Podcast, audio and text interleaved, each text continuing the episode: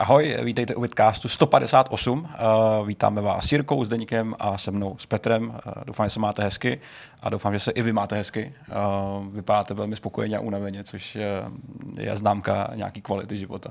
Zdeníku, jak se máš ty teďka? Mám se dobře, uh, náročně se mám. Nechci to tady příliš jako rozpitvávat ve smyslu nějakých jako detailů, ale to, co jsem tady naznačoval a už i jak Jirka vlastně předesílal v novinkovém souhrnu minulý týden v pondělí, pondělí? Říkám to dobře? Jo, bylo to v pondělí. Pondělí. Tak uh, se mi narodila dcera. Release proběhl správně. Vzhledem k tomu, že to jako nebylo úplně takový jako jednoduchý a, a prostě s přitkama a, a, a růžový, jak to asi nebejvá, tak uh, jsem doma a pomáhám manželce s dítětem tak, aby to všechno fungovalo a je to asi podle očekávání docela náročný. Věřím. Ale můžeme to třeba malinko ještě víc. Brhneme ještě maši zbytek určitě. Uh, Jirko, co ty? Co jsi zažíval tenhle týden? Mm, no můj týden nebyl nějak mimořádný.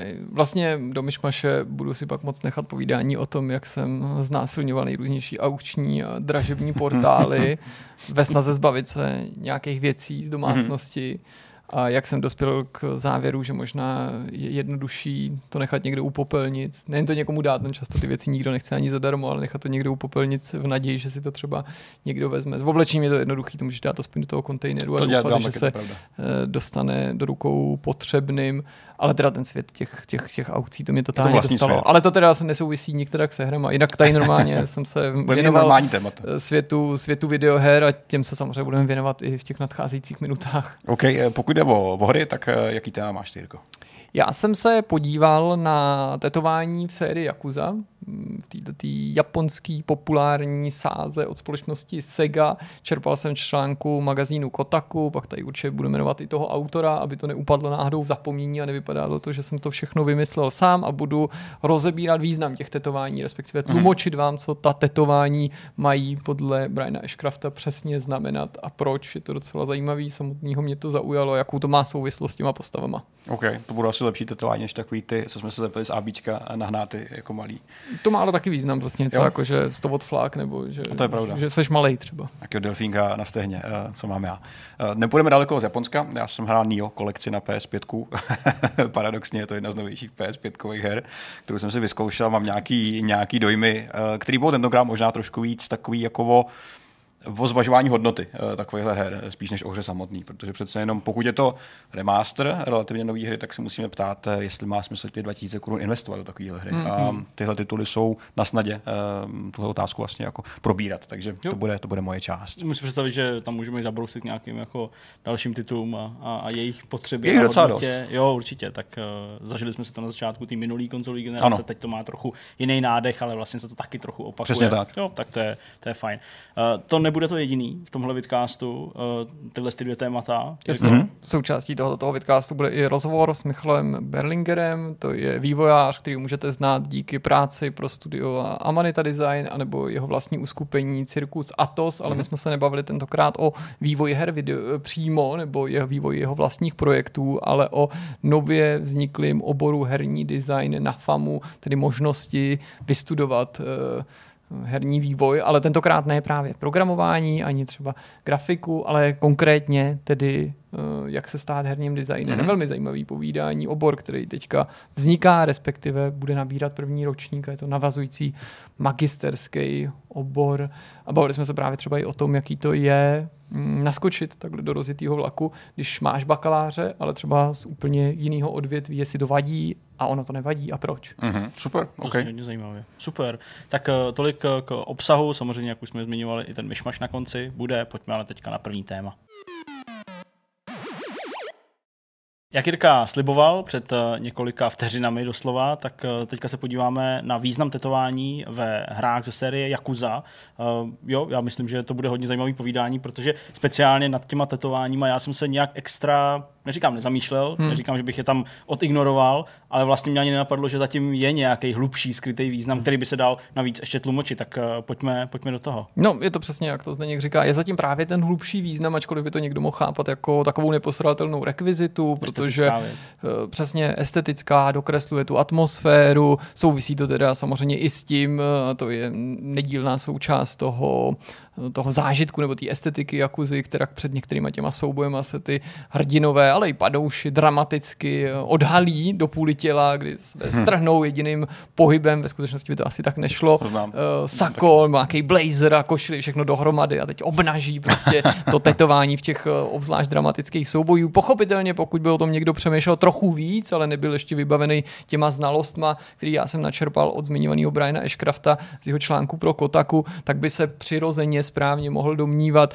že tedy eh, ty tetování mají velmi blízko k tomu japonskému podsvětí, k Jakuze jako takový, že ty tetování mají nějaký význam. Jo, tyhle ty základy určitě někdo, kdo se aspoň trošku o Japonsko zajímá nebo o tetování, určitě ví. Konec konců, já nejsem žádný odborník na tetování, takže ty věci, tak jak je tady budu tlumočit, nebo ten můj výklad, je jenom zprostředkovaný a nemůžu dát ruku za, do ohně za to, že se Brian Ashcraft někde nespletl, ale co jsem tak koukal, tak on dokonce je spoluautorem nějaký knihy, která se věnuje té mm. kultuře tetování, tak předpokládám, že to má jako v pořádku a že já jsem to taky správně pochopil a nebudu ho nijak eh, desinterpretovat. No a než se úplně do toho obuju, tak ještě musím určitě vypíchnout takový to, eh, takový to klasický, co se v souvislosti s tím tetováním v Japonsku zmiňuje, a sice, že to skutečně bývá symbol té mafie, nebo v tomto případě té jakuzy, toho podsvětí, že lidi, kteří mají tetování, ho musí třeba skrývat, nebo ho musí nějakým způsobem zahalovat, že to může být problém ve veřejných lázních, na koupalištích, a že časem nebo mm, s postupující lety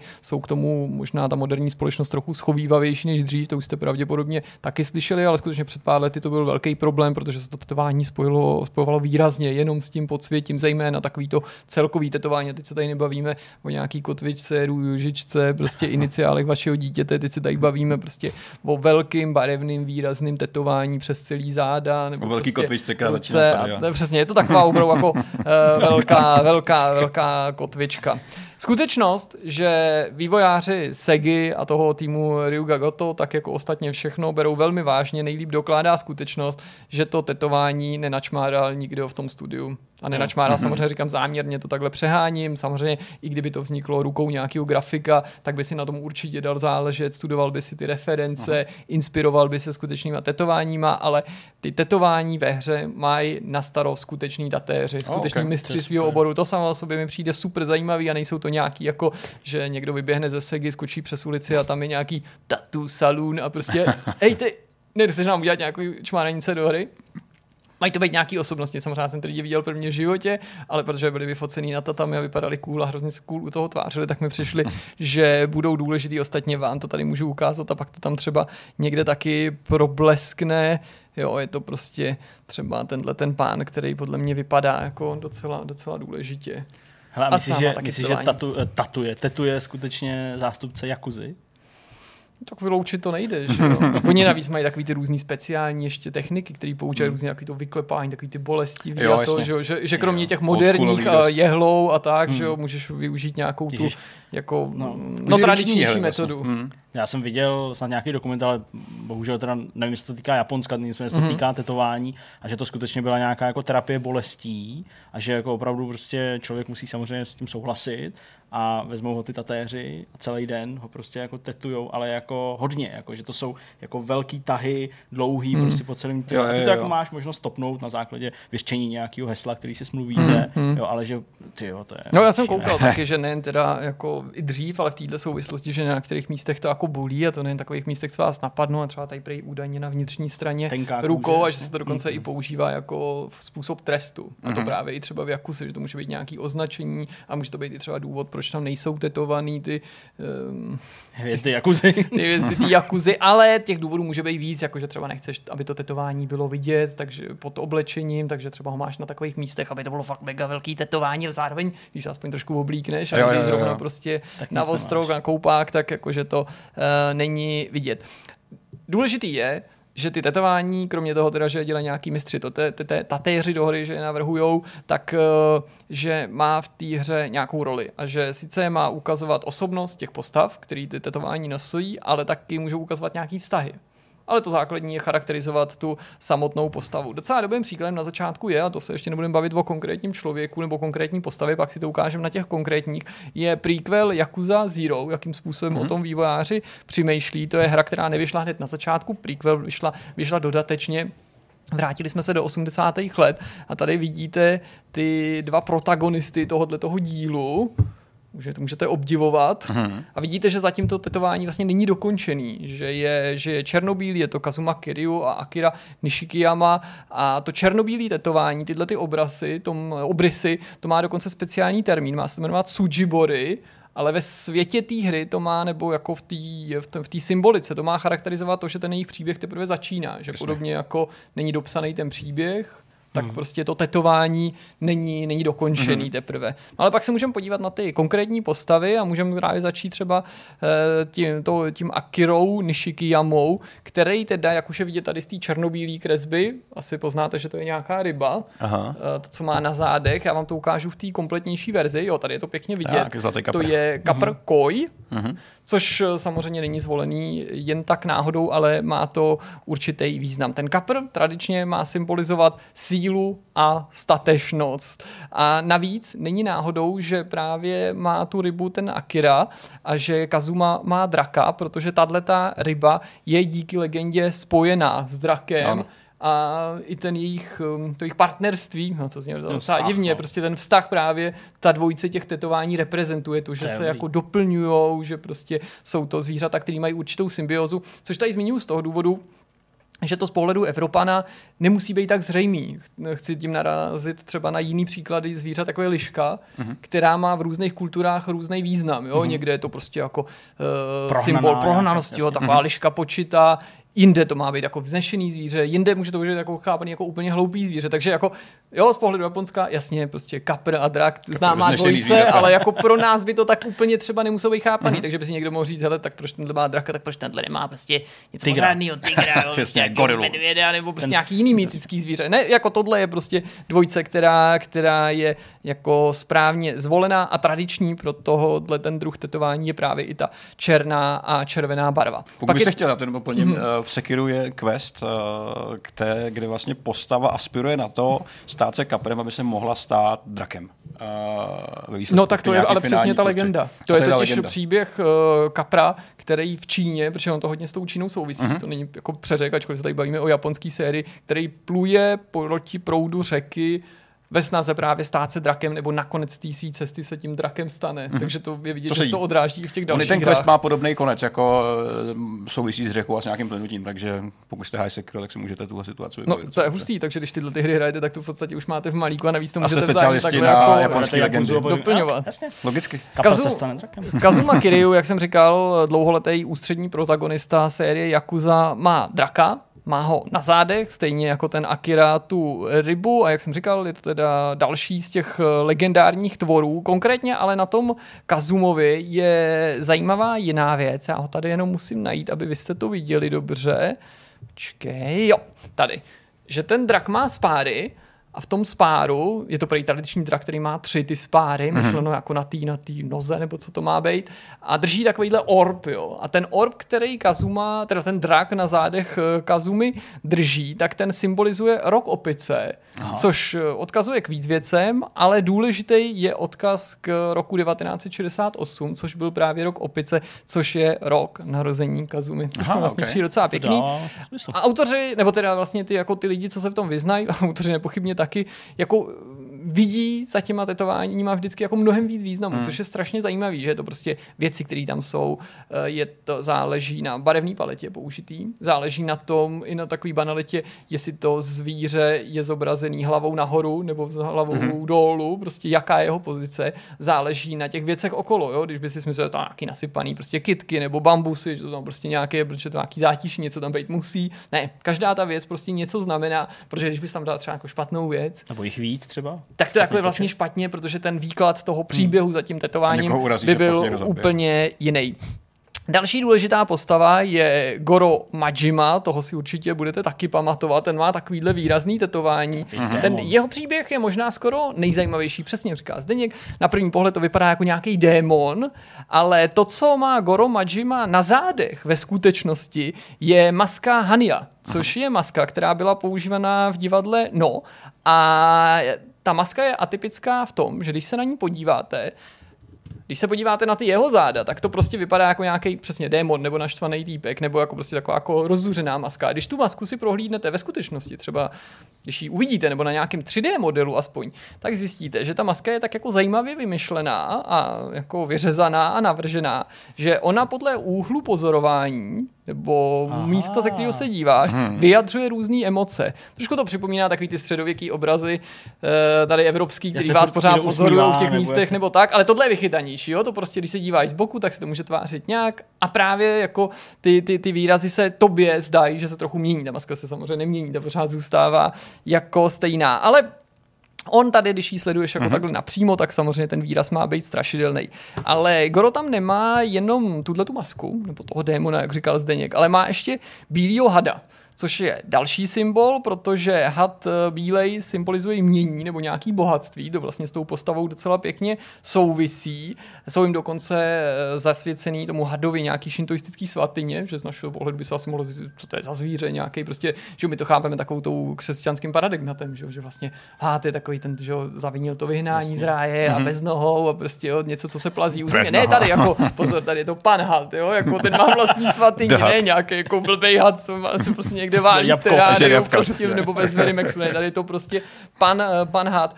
A ten had je vyobrazený s jarními květy, mm-hmm. Což je taky záměr, protože to vytváří jako takovou jako dualitu nebo dynamiku podle těch výkladů těch tetování, protože had se na jaře probouzí ze spánku, z hibernace a má prostě tato ten celý výjev symbolizovat krásu přírody. Mm-hmm. A zároveň je v tom ještě takový jako další motiv nebo plán, jako by to už tak nebylo dost komplikovaný a ten spočívá v tom, že had se svlíká z kůže, myslím tím obecně, ne nudně na tom tetování, což podle těch jako legend, mýtů a chápání jako japonské kultury toho zvířete je v podstatě symbol nesmrtelnosti, okay. nějakého jako nekonečného obrození. A ty květy, které tam jsou, jsou vlastně jako kontrast k němu, protože ten had je chápaný jako nesmrtelný zvíře a ty květy jsou zase něco, co jako rychle uvadá, jo, nebo ty odkvětní lístky něco, co prostě jako umírá okamžitě, takže mm-hmm. to má vytvářet prostě takovou jako rozpolcenost, což přesně jako zase odpovídá jako tomu, tomu charakteru té postavě. Jinak je důležitý samozřejmě ten layout toho tetování, ten se mimochodem nazývá hikae, což odkazuje k tomu, co vám musím ukázat na tomto tom obrázku. A sice, že to tetování je na zádech, může jít až na ty prstní svaly a pak je jako do půly rukou. Jak okay. jsme se o tom bavili, ale už to nepokračuje tady, co to je tato ta část na ty lokty nebo tak. Prostě je to jakoby přesně tenhle ten druh toho, toho, toho vyobrazení. No a poslední tetování, který stojí za pozornost, aby to byly právě ty důležité postavy, tak to je tenhle ten tygr, který ho má na zádech postava, nebo muž, který uh, se jmenuje Taiga Saejima. A už, už, to mám už ten název, no Taiga, fakt, no, je to jasně. tak? Už ten název tomu odkazuje, že to je prostě nějaký jako tygr, jako že to dává jako smysl. No jasně, jasně. Ale má to jako samozřejmě jako obvykle v, v Jakuze, jak to tak asi bude bývat, uh, víc, víc významů. Tak třeba docela důležitý je, že tygr není zvíře, který původně žilo v Japonsku. Mm-hmm. Mm. Když vzpomeneme prostě zoo teďka a tak dále, to je zvíře, který pochází z Číny, nebo on žije i jinde než v Číně, ale jako z pohledu, teď se bavíme o nějakém středověku a chápání takový tý jako starší, hlubší kultury, tak je to zvíře, který bylo v Číně, ale ty Japonci, i když byli izolovaní v té době, možná nenutně tak extrémně, jak si to představujeme třeba tou optikou, nevím, 18. nebo 19. století, než se Japonsko zase začalo otvírat, ale prostě jako věděli, že tam nějaký tygr je ale nebo věděli, mysleli si to. A tím prostě pro Japonce dlouho byl tygr v podstatě něco jako drak že jako to zvíře mělo jako mm, až skoro nádech prostě nějakého mystického nebo legendárního mm-hmm. tvora, že nebylo jako jistý, jestli tohle to zvíře, jako je tygr, prostě existuje, zjednodušeně mm-hmm. okay. řečeno, že prostě, no ale jinak jde samozřejmě o tu jeho sílu, mimochodem typická má být i ta póza, ve který je vyobrazený i ten tygr, to znamená, že on je na nějaký skále nebo na nějakém kusu mm, šutru, mm. prostě jako na něčem. Vyvýšený což, nějakým způsobem, což asi je ten Kromě toho, že teda řve a tak, asi i ty by si jako Možná pochopil, že to má být, že jako je drsnej, ne, že má třeba hlas, i když chce mlíko. Ale konkrétně tohleto vyobrazení, že je na kameni a obklopený těma bambusama, má taky nějaký jako svůj specifický význam, protože skála podle toho výkladu vždycky reprezentuje sílu, podobně jako ten bambus, mm-hmm. jako, ale bambus navíc, pozor, ten je podle toho jako výkladu těch Taká tetování nejen silnej, ale přesně i pružnej, No, ohebnej. teďka jsem hrál ty vole, což je mu tak já vím. Ty jsi úplně namakaný. Já jsem- Já Přesně, jsem jsem poučený jedním scénářem. No a dokonce to jako je i častá kombinace, to znamená ten bombus a ta skála a ten tygr, protože se jako říká, že jenom tygr může projít hustým bambusovým lesem. Hmm, je tak, takový jako- takový silný, přesně protože on je přesně zase taky Ty takový jo. mrštnej a zároveň má dostý jako síly, aby teda jako si tím proklestil tu cestu. No a to je v zásadě všechno. Další tetování pro vás nemám. Určitě by se ještě našli, nebo určitě bude existovat nějaký další rozbor, nebo tetova, nebo myslím povídání, který se bude věnovat i nějakým vedlejším postavám. Hmm. Tohle bylo samozřejmě zaměřený na ty jako dominantní, hmm. ale musím říct, že je to jenom jeden z mnoha aspektů na Jakuze, který svědčí o tom, nejen s jakou péčí k tomu výváři přistupují k té látce, ale že vlastně možná obecně to dost vypovídá o takovém jako japonském přístupu, nejen k videohrám a designu, ale ke všemu, že prostě jako neexistují malý detaily nebo neexistuje něco, co je pod rozlišovací schopnost. Možná mm-hmm. jako pozorovatel to nemusí vidět, ale to neznamená, nebo nemusí to rozlišit, nebo přesně chápat, to neznamená, že se jako nevěnuje uh, ta nejdůležitější pozornost prostě každému jednotlivému aspektu a nic není nahodilý. Kde myslíte, že byl ten začátek? To znamená vejce, slepice. Eh, Bylo to, byl to takový ten tlak ze strany hráčů, který přirozeně za vším něco hledají, nebo do něčeho šprtají, snaží se rozebrat nějaký detaily, to znamená i tetování ve hrách. A ti vývojáři tudíž na to reagují tím, že si dávají záležet, že prostě je to pro ně jako látka, kterou musí zpracovat správně. A nebo na začátku to byli vývojáři, kteří jako ponoukli vůbec ty hráče něco takového hledat. Je to jako vůbec možný zodpovědět asi, asi těžko. Já myslím, ale že v tomhle případě, Jak to vnímáte třeba i vy? Že, že v tomhle případě jako skutečně ty výváři sami chtějí ty věci mít pokrytý mm. a, a je to tam taková ta japonská poctivost. A, mm. Jak říká Jirka, mít všechno vysvětlený, všechno pokrytý nějakým lorem a backgroundem, který dává smysl a nebyt jenom jako nahodilej nějaký výkřik. U západních studií bych se nedělal, kdyby to skutečně jako bylo často tažený tím zájmem hráčů a přesně tou nutkavou, jako, uh, nutkavým pocitem do všeho šít, ale jakým způsobem jsou Japonci perfekcionistický a jak jakou má vlastně, že jo, tetování v Japonsku tradici, tak si myslím, že to skutečně je asi jako zakódovaný v nich Mm. a, a chtějí to mít všechno prostě komplet. Taky myslím, že na západě vyšlo spíš o ten efekt, ale že to i souvisí k tomu s tím, nejen s tím odlišným přístupem k tomu, jak ty hry dělat, nebo jak jsou chápaný, ale co to tetování znamená, že kdyby nešlo o videohru, ale šlo by třeba o film, tak prostě si umím představit, jako to působí asi jako kliše, ale dokážu si představit situaci, ve které někdo točí jako film o gangstrech prostě ze západního světa a prostě režisér řekne prostě maskérce nebo nějakým kostýmérům prostě dejte jim nějaký cool drsný prostě tetování. Zatímco v Japonsku prostě to tetování vždycky něco znamenalo, hmm. ne, přece hmm. tradičně má ten význam a to musí ty výváři vědět, podobně jako by to věděl ten filmař a proto prostě by filmář, spisovatel, autor komiksu, každý myslím, v momentě, kdyby ho čekal ten úkol, tedy vytvořit svý postavy nějaký tetování, tak by Hmm. jako čelil tomu vědomí, že tam nemůže dát jenom něco, co se mu líbí, že musí vycházet z nějakého skutečného výkladu nebo Hmm. to s někým konzultovat. Mě ještě napadla jedna věc, jestli jako dovolíte, že to trochu přetýkáme, protože já často jako řešil tu otázku toho, že bych si dal nějaký tetování. Jo? A teď prostě člověk, když jako se nad tím přemýšlí nebo jako rozmýšlí, tak většinou volí to, co jako ho nějakým způsobem definuje. Mm-hmm. A ty hry to je asi pro nás jako jedno z KFCčko. témat, který, KFCčko taky, ale jedno z témat, který je samozřejmě jako takový na první dobrou, jako dát si nějaký herní tetování. A já jsem vlastně vůbec nikdy nedošel nakonec k tomu rozhodnutí, Mhm. jako jaký motiv z jaký hry tam dát, protože nejoblíbenější hru nemám jo, a Mhm. takové ty věci. Takže já vlastně jsem skončil to, že žádný tetování na těle nikde nemám. Fakt? Zatímco Jirku jsem třeba bez trička viděl. A má tetování úplně všude. Tebe jsem nikdy má. bez trička, myslím, neviděl. Nikdo mě neviděl bez trička, nikdy. nikdy Máma. že jo. Máte nějaký Máma. Tetování někde, o kterým nevím, a případně jako přemýšleli jste, že byste si dali tetovačku nějakou ze hry? Mně se líbí ta myšlenka, a ne z heru přímě, to přijde hrozně kýčovitý. Já nemám rád tady ty, tady ty geek věci jako ve formě tetování. To se přijde jako špatný mít někde konamikou a takový věci, jako, že mě to prostě fakt jako netáhne. Mně se líbily jako velký, jako tvrdý tetování, lepky, zavražděný lidi, To hořící věci a tak, no, takový ty jako pozitivní věci do života. Možná, možná vevnitř, v duši, ne doopravdy. Ale jinak ne, já na to nemám tělo, že jo. Jako, tetovat něco na tohle zvlněné tělo, jako zmuchlaný, by asi nebylo moc jako snadný. Já kdybych chtěl třeba něco vědět, mně se líbí velký tetování, který třeba vedou po rukách, přes ty záda, jako celý, mm-hmm. celotělový, ale já na to nejsem úplně materiál, že nevím, co bych musel dělat, jako musím různě ohejbat ty laloky, aby mi tam mohli tetovat a podobně. to asi není jako fakt, fakt dobrý. Musel bych předtím hodně zubnout a hodně nabrat asi jako svalový hmoty, aby bylo na co vůbec jako dávat tu barvu. No. Takže Líbí se mi to, když to vypadá dobře barevně, když to je taková ta levná blbost, kterou ti udělá kolo točář tady za hlavákem za pár korun.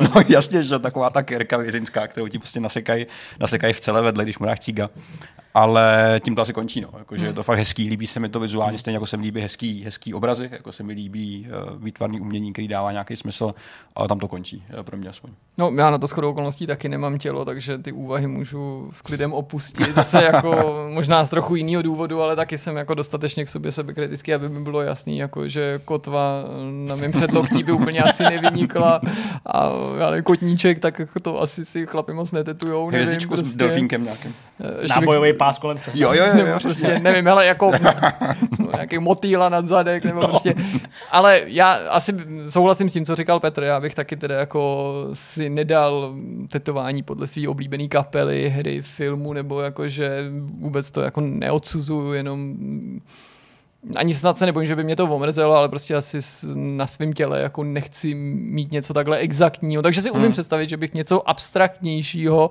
eh, si třeba nechal vytetovat, ale jedině za předpokladu, že by to, a tím jsem nepochybně ovlivněný těma cestopisama, tak bylo spojený s nějakým zážitkem. Hmm. To znamená, tím myslím jako že bych byl na místě v situaci, kde by jsem tatéra potkal, nebo se tetování dělalo, nebo bylo právě nějaký tradiční tetování a teď nejde o nějaký překonávání bolesti nebo něco podobného, ale spíš jako, že by to tetování muselo fungovat jako vzpomínka na ten moment. A vzpomínkou na ten moment nemyslím moment, mm, ožerem si držky prostě v pátek večer a pak půjdeme prostě do 24H teto, tetu salon prostě jako někde jako v centru Prahy, myslím jako ně, něčím skutečně jako významným, jo, nějakým jako životním milníkem nebo nějakou, nějakou zkušenost prostě, která by se na tom odrazila a v tom místě vznikla rukou někoho, nějakého domorodce nebo tak. Super. Hezký téma o tetování, uh, spoustu zajímavých věcí. Tak uh, pojďme dál, pojďme na další téma. Jak nám Petr sliboval na začátku, povídám něco o kompilaci Nio, první a druhý díly k dispozici na PlayStationu 5 ve vylepšených verzích, ale ty už si na začátku naznačoval, Petře, že nechceš tak nutně podrobit tuto kolekci klasický recenzi, jako se spíš zaobírat uh, hodnotou té věci, mm-hmm. nebo možná smysluplností takovýhle investice, to znamená dvě starší hry, jedna pořád relativně nová, nebo taková čerstvější, druhá už má pár let za sebou, nějaký vylepšení, tak odkud to načnem? Prostě tak, tak. Možná, možná od toho momentu, že ty jsi neobjednal žádný review kód, takže tě nikdo nemůže podezřívat z toho, že jsi prostě, to, to vyzkouším a hodnotu toho vlastně neznám. Věci, neznám. Ty jsi to koupil, tak mě zajímá, proč jsi to koupil na začátku. Mám rád tenhle žánr. Uh, Elden Ring pořád nevyšel, takže musím Není. lepit svoje díry a smutku jinýma, jinýma titulama a všechno tam je drží a zalepený uh, v pohodě. A um, nějak jsem si řekl, že bych si prostě dal ještě jednu šanci Nio, protože já jsem eh, recenzoval dvojku, jedničku jsem v minulosti hrál jenom chvíli a bohužel se k ní nevrátil, takže jsem to vzal jako takový moment uh, nějakého znovu seznámení. Uh, hra se samozřejmě prodává za 2000 korun, stejně jako všechny PS5 hry, což je první, první takový vstupní bod do téhle generace. A jak jsem zmiňoval, nechci se úplně bavit o těch hrách jako takových, uh, o kterých samozřejmě taky jako padne řeč, ale spíš o té hodnotě, která je dost taková relativní pro spoustu lidí. Uh, zvlášť u těch remasterovaných titulů je to podle mě nějaká jako míra přidané hodnoty, která je relativní stáří těm hrám.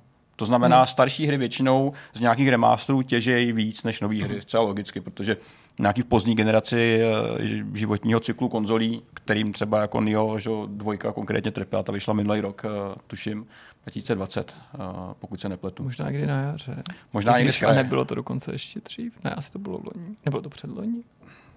Ta dvojka. Když bychom tady měli notebook, na kterém se můžeme Přesně podívat, tak to zjistit. zatím uh, Je to nicméně velmi mladá hra, uh, která v té kompilaci, který vychází, v první druhý díl jsou v kompletních edicích, to znamená, mají na sobě nalepený veškerý content, veškerý DLCčka, uh, různý bonusy z objednávek a podobně. Takže ve smyslu nějakého balíku jako her a obsahu, který dostaneš, jak 2020. Dobrý, uf, vlastně úplně mimo. Ten čas docela utíká. Asi? Ne, já nevím. Už to ne, promiň, promiň, myslím, že to bylo jsem, to jsem nechtěl, sorry. Byl to březen. Byl to březen, dobrý, jak jo, trefa.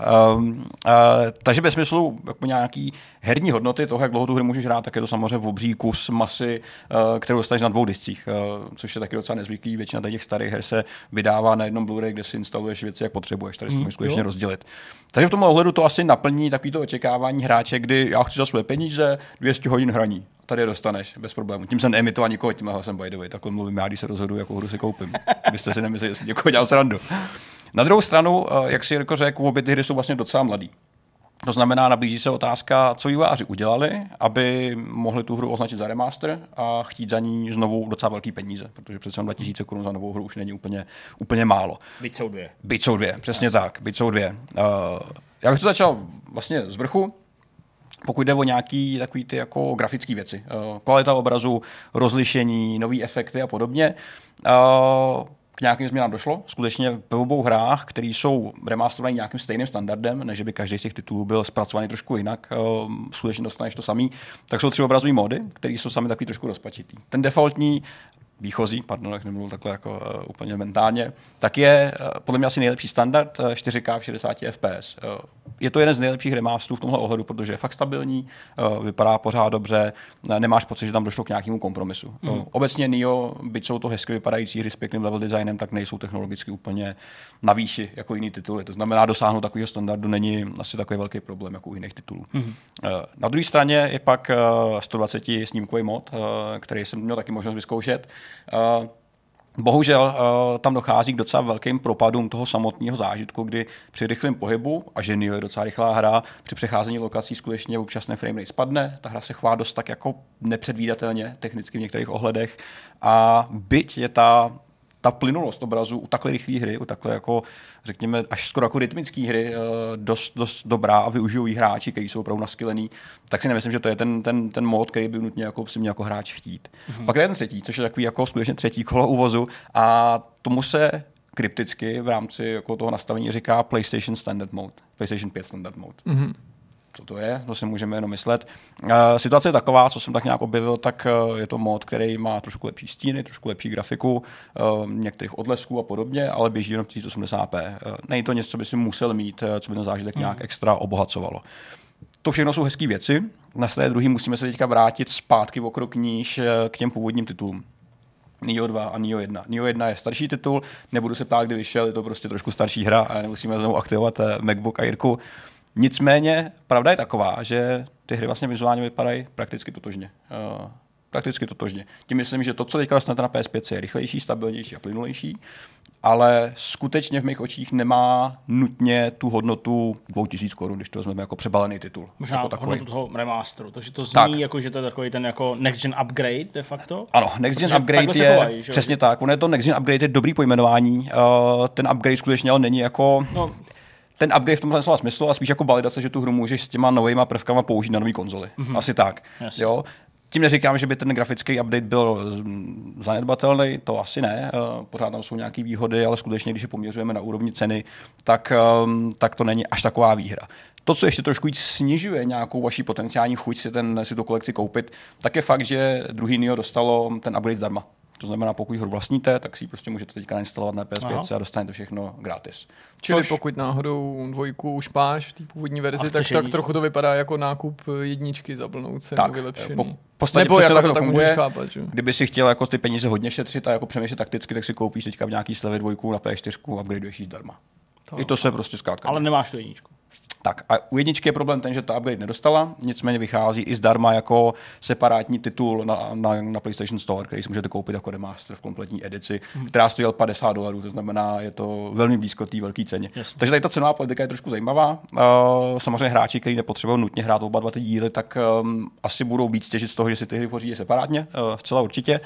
Ale v tomhle ohledu to došlo k takovému zajímavému jako překryvu relativně mladé hry, která byla znovu rebrandovaná pro novou konzoli. Um, nemusím asi říkat, že obě ty hry jsou pořád stejně dobrý, stejně kvalitní. Um, pokud někdo chtěl Souls-like Hack and Japonska, kterou dělá uh, Team Ninja, tak uh, to je jedinečná cesta. Um, současně ale tady to není o té grafice, jsou tu i další prvky a to jsou právě že jo, PS5 exkluzivní věci kolem ovladače, No, no, uh, integrace DualSense a podobně. Tady taky ty práce moc jako neproběhly upřímně. Um, ta implementace adaptivních triggerů je velmi podobná Demon Souls. Uh, mm-hmm. Možná ještě to trošku horší, dokonce se používá v té stejné situaci, když natahuješ luk, stejně jako Demon Souls. To znamená, ten tlak se zvyšuje s tím, jak natahuješ tu samotnou tětivu. Což není úplně nic, co by si potřeboval, co by nějakým způsobem obohacoval ten zážitek, byť v Neo luk používáš častěji než v Demon Souls, aspoň teda z mý zkušenosti. A pokud jde o, o haptiku a o takový ty vylepšené vibrace, skutečně jsou implementěny na té úrovni, že jen když probíháš nějakým bordem v úrovni. Nemají žádnou přidanou hodnotu, nějakou velkou taktickou výhodu, kterou by ti dali tím, že je vnímáš. Což je docela škoda, zvlášť když si jako někdo dal tu práci s tím upgradem pro, pro nové hmm. konzole. Takže i na téhle úrovni to vlastně nepřináší tolik nějaký velký zábavy, kterou byste mohli, mohli využít, přibalit a, a říct si, jo, mám pocit, že jsem dostal novou masitou, masitou hru. Která ta hra mimochodem tě bavila víc? I s odstupem toho času, myslím, když odmyslíme teďka ty veličiny, jako je cena, stáří, mm-hmm. tak prostě kterou si víc užil, protože ta příběhová premisa se u obou těch her dost jako výrazně liší na to, že to někdo chápe jako jedničku a dvojku, tak to vychází z dost odlišných situací. Přesně tak. Tady, tady já musím říct, že mě víc sedí jednička z jednoho důvodu. Vlastně jsem toho kritizoval v recenzi dvojku, která umí být dost vlastně překombinovaná v takových těch herních mechanismech v rámci souboje. Dvojka. Dvojka. Přesně tak, že Dvojka to jsou ty démoni, to nějak vyvoláváš. Přesně tak, nový módy, útoky. pak ty, ty kantrovací útoky, které jsou že, přes nějaký kombinace tlačítek, dávají ti fakt jako dobrý taktické možnosti pro ty hráče, kteří je chtějí, hmm. ale jsou možná trošku moc pro lidi, kteří jako začínají třeba s tímhle žánrem nebo s touhle sérií. Chápu. Takže za mě uh, dvojka je možná dlouhodobě vyleštěnější, lepší, taková vyladěnější ve všech takových těch herních ohledech, ale pro začátek první díl vlastně dává víc, nebo jde víc na ruku takovým těm Dark Souls přeběhlíkům, který chtějí něco nového. Takže v tomhle ohledu uh, ta kolekce splní nějaký jako očekávání, že chci se s ní seznámit, uh, začnu s jedničkou a pak si plynule pravděpodobně přejdu do dvojky, pokud hmm. po těch 200 hodinách nebudu úplně překrmený a, a, a plnej, plnej sil. Takže... Ale když si někdo není jistý, tak a dejme tomu sáhnout by jenom po tom prvním dílu, nebo by o tom pomýšlel. No ale zase to tak jako ekonomicky to moc dobrý smysl nedává, tak. protože jestli si teda dobře vzpomínám, ty si říkal, že za vylepšenou jedničku na PS5 bych tyka dal 50 dolarů, mm-hmm. nebo ekvivalent ceny. Co chci ještě zmínit, je že vlastně skoro plná cena teda. Ty možná nemusíš ani tu jedničku vylepšovat nebo kupovat tu vylepšenou mm-hmm. verzi, protože když vezmeš původní hru, původní Neo, uh, P4 variantu, ano. dáš ji do PS5, tak ona obsahuje něco, čemu se říká, myslím, že takový movie mod, uh, mm-hmm. nebo něco takového. Co to vlastně dělá je, že to uh, dynamicky odemyká framerate, ale díky výkonu PS5 ten framerate vlastně neustále drží na nějakých 60 FPS. Takže když nedost, i když nedostaneš samotný upgrade, mm. uh, tak ta hra běží mnohem plynulejš, uh, nevypadá tak hezky a tak vyleštěně jako ta remasterovaná vlastně. varianta, ale ten účel to v pohodě pořád splní. Aha. Což je docela zajímavý efekt, který možná někomu utek, možná ho prostě neřešili retrospektivně u docela staré hry, ale ještě víc jako devalvuje hodnotu toho samotného remasteru jako takového. Mm. Takže v tomhle ohledu uh, to vlastně funguje ve prospěch nás hráčů, který by chtěl třeba trošku ušetřit a myslet trošku takticky vždycky. Uh, tu tisícovku, kterou ušetří, třeba můžou vrazit do něčeho, do něčeho jiného. Uh, dobrý point jsou třeba i loadingy, uh, načítací časy, který že ho řešíme u nových konzolí prakticky pořád, protože ta předaná hodnota jako rychlého načítání je úplně skvělá, když můžeš hry hrát. Remastery jsou takřka instantní. Uh, podle mě největší prodlevou často má vykreslení toho tlačítka na, na pokračování z loadingu do hry, než to samotné načtení. Skutečně přechody mezi misema jsou fakt, fakt rychlý v obou případech. V případě toho, že použiješ normální P4 Neo, tak je jenom o několik sekund pomalejší než ta samotná vypimpená varianta, kterou si můžete koupit. Takže v tomhle ohledu já si myslím, že nemusíte úplně nutně pospíchat a kupovat si všechno remasterovaný. V tomhle případě to fakt nedává takový smysl, jako to třeba dávalo, a i tam jsme o tom hodně pochybovali nedávno u Ride, potažmo u Moto, Moto X, MXGP, pardon, jo, jo, jo. který jsme tady vlastně bavili v dost podobných úrovních a v dost podobné náladě. Hmm. Uh, tady uh, jsou to tituly, které vlastně tolik nestárnou. Uh, nutno podotknout, I že... když u těch, promiň, že do toho skáčel, u toho milestoneu musíme určitě zdůraznit skutečnost, že tam ten upgrade dostaneš v obou případech prostě zdarma, zdarma takže se vlastně tak. tím uh, tou vylepšenou verzí nikdo nemusí trápit, teda, uh-huh. protože nestojí před tou otázkou, mám za to platit, nemám, co mi to nabídne, prostě, prostě to dostaneš a hotovo. Ale z druhé strany tím nechci říkat, že jako Koei Tecmo jsou prostě vytři duši, že ti to nedají, protože ono celkem dává smysl, podobně to dělá většina jiných vývářů, že ty novější hry, a teď je otázka, kde tu hranici stanovíš, rok, dva, tam ten upgrade často bývá prostě mm-hmm. zdarma, nebo aspoň zdarma pro nějaký jako majitele season passu nebo ultimátky. U těch starších her mi zase přijde celkem pochopitelný, že teda jako si za ten remaster o nějaký peníze řeknu, a z druhé strany my jako zákazníci máme výhodu, že můžeme říct třeba ne děkuji, nebo prostě, tak, že mi to nepřijde. Přesně, v tomhle jako bych chtěl zmínit, že my tady jako nebléme po, po vývojářích, že po nás je další peníze. Eh, spíš jsem chtěl zvýraznit tu variantu, ty alternativy, která je tady vlastně platnější víc, než kdy byla. Eh, kdy si vlastně můžete za často jako tu hru najděte v knihovnách. Jo. Já jsem třeba Neo P4 našel v knihovně úplně omylem předevčí den, když jsem to otevřel, říkám, ty, to, to mám, jo, to jsem vůbec nevěděl. Samozřejmě výhoda je, že si můžete, že tady dostanete tu kompletní edici, eh, která má všechny ten obsah, který je fakt, fakt hodně. Hmm. Fakt jako pokud byste teďka chtěli začít hrát a neměli se třeba plány do konce letních prázdnin, tak je vhodný čas si jako Neo pořídit, protože toho kontentu je tam skutečně, skutečně hodně. Ale fakt mě baví jako zjišťovat, eh, jak moc se ty tituly vlastně změnily eh, a jak moc ty, ty samozřejmě upgrade vlastně přináší nějaký, nějakou hodnotu navíc. V tomhle případě je to hezký, máš v jednom balíku všechno, funguje to, dává to smysl, ale vůbec se nebojte, když budete koukat do výlohy, že nebudete chtít utratit své peníze za nový titul, protože ty alternativy tady jsou a jsou docela vlastně dostupné. Takže v téhle úrovni je to fajn, Nio je pořád dost dobrá hra, my jim říkáme jako Souls-like Nabízí se to, ty paralely tam jsou, uh, hra, která se inspiruje featurama u, u Demon Souls a Dark Souls, ale je to vlastní titul, vlastní žánr, uh, který staví že, na, na klasických japonských hack and slash, který pokud tě máte rádi, tak tady dostanete, co musíte. Nejdůležitější otázka na úplný závěr. Uh, vynahradilo ti to, nebo pomohlo ti to v tom čekání na Elden Ring? Mm-mm. Ne. Rád bych řekl, že ano, ale já mám prostě problém ten, že, že From Software mi mě nějak rozbili a po tom, co jsem hrál jejich hry, tak nějak nemám dost. Jsem takový jako From upír. Uh, můžu a. hrát hry, ale pořád nemám dost. Frupír? Frupír, přesně, já jsem frupír. A... Třeba Bloodborne na PS 4 nebo 500, nevím, 460 FPS. Tak. No, když, já, no to, to je právě tak, no, já nechci se úplně nechci hákovat tady ty věci, nejde, já jsem hodný hráč a nejsem žádná, žádný bastard, který vyšahal do cizích věcí, a, který vyšahal kam nemá. Ale kdyby teďka začali třeba formáci vydávat zpětně upgradey svých her na PS5, i kdyby to bylo zdarma, tak to kupuješ. Money Rain, hnedka bych přišel a začal bych sypat mince. Chceš takovou tu pistoli na ty pistoli. Jo, přesně, tak, by to lítalo ty peníze. Takže uh, já plně rozumím tomu, proč to výváři dělají. Uh, vlastně v tom fandím, jenom teďka nemusíte být unáhlený, třeba jako já kupovat novou hru za 2000 korun, když tady jsou možnosti úplně jiný. Ale pořád neuděláte chybu, pořád jsou to prostě dobré hry, velké hry za velké peníze. Tak jo, tak jste to slyšeli, pojďme na rozhovor. Naším dnešním hostem je vývojář Michal Bellinger, který ho můžete znát díky studiu Amanita Design anebo jeho vlastnímu uskupení Atos Circus. Ahoj, vítej u nás. Ahoj. Tím důvodem, proč si tady dneska povídáme, ovšem není vývoj videoher těch velkých, hotových, myslím ve velkých studiích, ale ty začátky, jak se vlastně stát herním vývojářem. A budeme si povídat o tom, jak je možný studovat videohry, eh, herní design na FAMu. Je to tak? Je tak. Pojďme na začátku představit, protože většina diváků, kteří nás teďka sledují, určitě už někdy slyšela o tom, že se u nás v Česku dá vývoj her studovat, co by obor univerzitní. Co to přesně v případě FAMu znamená? Tak je potřeba na začátek říct, že vlastně ten obor teprve budeme spouštět. Vlastně první studenti přijdou k nám v říjnu. To znamená, že všechno, o čem budu mluvit, je teorie, kterou my se budeme snažit naplnit. Jo? Jako nic samozřejmě nevíme, prostě jak, jak přesně se nám to povede a já tady budu teďka říkat ty znešený cíle a ta realita potom třeba může být trošičku jinde, mm-hmm. ale doufám, že se k tomu co nejvíc přiblížíme. Ale eh, vlastně cílem, eh, cílem tohoto oboru je skutečně vychovávat jakoby herní designéry. Jo? To znamená, když se podíváme na to, co, jaký jsou tady univerzity v Praze, konkrétně teda, tak vlastně vidíme, že se tady dá studovat programování počítačových her, dá se tady studovat nějakým způsobem, jsou tady nějaké výtvarní obory a tak dále, a tak dále, ale vlastně čistě specificky, co se týče toho herního designu, tady nic takového nebylo.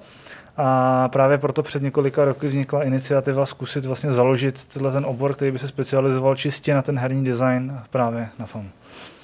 Tohle by mohlo zaujmout potenciálně takového hráče, který ví, že třeba není úplně technicky nadaný, primárně a říká si, OK, to programování, to jsem si říkal třeba, že z nějakého důvodu nezvládnu, nejde mi matematika, nebo nemám prostě k tomuhle typu oboru a věd blízko.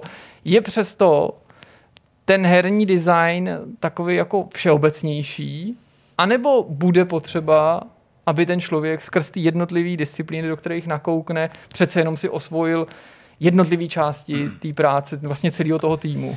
Myslím si, že jo, že bude muset jako určitě nahlídnout do, do právě všech těch aspektů. Určitě jakoby není podmínkou, že ten člověk musí právě umět programovat předtím nebo něco, ale vlastně v průběhu toho studia, nebo naše teze je taková, že prostě ten herní designer, aby byl vlastně schopný si ověřit nějakým způsobem tu svoji myšlenku, tak ji musí nějakým způsobem být schopný oprototypovat. Mm-hmm. Vytvořit si ně, něco funkčního, to může mít spoustu podob, jak taková věc vypadá, ale prostě musí mít i nějakou technickou znalost, musí mít i nějakou, jo, prostě těch, těch věcí jsou to, jakoby, měly by to být univerzální lidi, kteří prostě zvládnou lecos jakoby ode všeho a dokážou to dávat dohromady. A tady ještě bych tady jenom zmínil, že ten obor je, je to magisterský navazující obor, to mm. znamená, že ty, studen, že ty lidi, kteří se tam budou hlásit, tak musí mít vystudovaného nějakého už bakaláře. Mm. Ale není, jakoby není určená podmínka, jakýho bakaláře mají mít studovaného. To znamená, může se tam klidně přihlásit někdo, kdo prostě studoval programování, někdo, kdo studoval nějaký výtvarný obor, animaci, scénaristiku, nebo klidně nějak, nějaký, nějaký teoretický předměty. Jo? Je to jakoby otevřený. Co je ale společný, mm-hmm. je to, že ty lidi musí být prostě ochotní rozvíjet se právě i třeba v těch ostatních disciplínách, doplnit si to, co, to, co neznají že se výtvarník malinko naučí prostě programovat. A nebo třeba, když ne programovat, tak jakoby pracovat v nějakém engineu. Něco si tam prostě trošičku složit, vyzkoušet si. Jo, a naopak zase, že prostě čistý programátor třeba se prostě naučí aspoň malinko pracovat s textem nebo s, nebo s nějakýma prostě výtvarnými asetama a takhle. Jo, takže ta, ta interdisciplinarita je tam jakoby důležitá.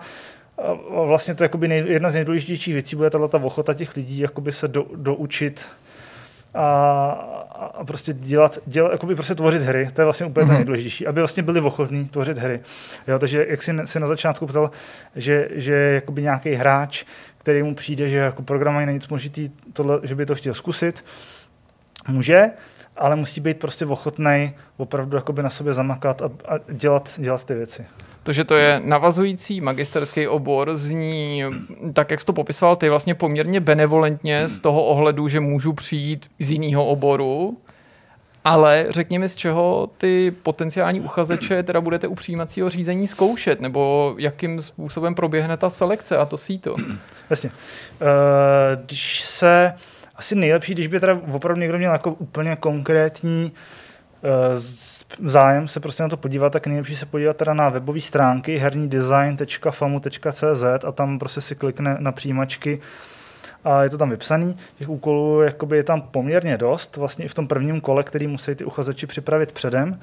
A teď teda doufám, že nezapomenu něco důležitého, ale Uh, jsou tam prostě nějaké teoretické práce, nějaký rozbor, je tam vlastně jakoby právě vymyslet, přijít s nějakým jakoby designem Jasně. a je tam právě i trošku jakoby něco vytvořit, připravit mm-hmm. a samozřejmě tam i portfolio, kdo ho má, ale může být libovolný, to nemusí být výtvarný, jo? prostě u, u programátora nás bude zajímat, co prostě naprogramoval třeba za nějaký zajímavý algoritmus, u, u prostě u někoho, že napsal povídku, u někoho to může být prostě něco jiného, jo. Teď, a teď teda ale nechci zase kecat, radši říkám, podívejte se na, na ten web, tam jsou opravdu přímo jakoby specifický to zadání toho, jak to má vypadat, ale prostě tím tím chceme zjistit vlastně ochotu těch lidí, eh, že jsou prostě, že, že už jakoby jsou že prostě už něco vytvořili, mm. že už prostě, že, že do toho jsou ochotní něco dát, to je to jakoby, jako důležitá věc. No. Rozumím, rozumím. Možná se zeptám naivně, ale je to záměr, mm, minimálně z části. A sice, jestli když o tom oboru bude někdo uvažovat, jako o svém budoucím povolání, jestli je to perspektivní zaměstnání. Samozřejmě pořád mm, opakovaně slýcháme, že profesionální, profesionálů v herním vývoji je nedostatek, ale je velká poptávka právě po herních designérech, protože často je řeč o programátorech a obecně o těch technických disciplinách, o graficích, určitě 3D graficích, zvukařích, hudebnících, ale je na tom trhu dostatek míst pro herní designéry? Já si myslím, že to perspektivní určitě je. A teď konc, i kdyby ne z toho důvodu, jo, konkrétně, že ten člověk bude dělat vyložení herního designéra, tak právě myslím, že ve hrách obecně při té tvorbě her jsou prostě strašně užiteční jako lidi, kteří mají nějaký interdisciplinární prostě vzdělání nebo dokážou dělat něco. Jo. Takže si myslím, že prostě plácnu, když to vystuduje zvukář, který prostě vystuduje tady tenhle ten obor herní design, rozšíří si jakoby trochu obzory prostě i v tom herním designu, tak může dělat zvukaře, ale zvukaře, který prostě bude dělat jako jo, práci, která bude třeba o level prostě jinde, než, než to bude dělat jenom jakoby čistý zvukař, který těm hrám třeba tolik nerozumí. Jo, nebo samozřejmě Oni si to ty lidi, jakoby, když v těch firmách dělají jakoby další dobu, tak samozřejmě získají, získají ty znalosti i, i jako jinak. Jo? Ale jo, prostě princip toho, že z té univerzity vzejde prostě člověk, který je takhle jakoby trošičku už jako rozkročený mezi víc disciplín. Když jsem se koukal na stránky toho oboru, myslím na webu, tak mě zaujalo, kolik osobností mm, člověk potká v případě, že začne studovat herní design. Můžeš jmenovat některý svý kolegy, co kdo tam bude vyučovat, co přibližně od toho může případný uchazeč čekat? Tak uh já tam vlastně budu jakoby za nějaký ty praktičtější předměty, říká se tomu, na FAMu se tomu říká dílny, je to v podstatě nějaký ateliér, konzultace, tyhle ty věci. Budeme vyrábět prostě prototypy, budu učit studenty, jak si právě v Unity, v Unity třeba udělat nějaký jednoduchý prototyp, to bude jakoby můj úkol. Pak tam budu mít k sobě Jardo Melouna, který je taky programátor, má jakoby velmi, bude mít tam podobný, podobný předměty, ten program má třeba Dexe prostě.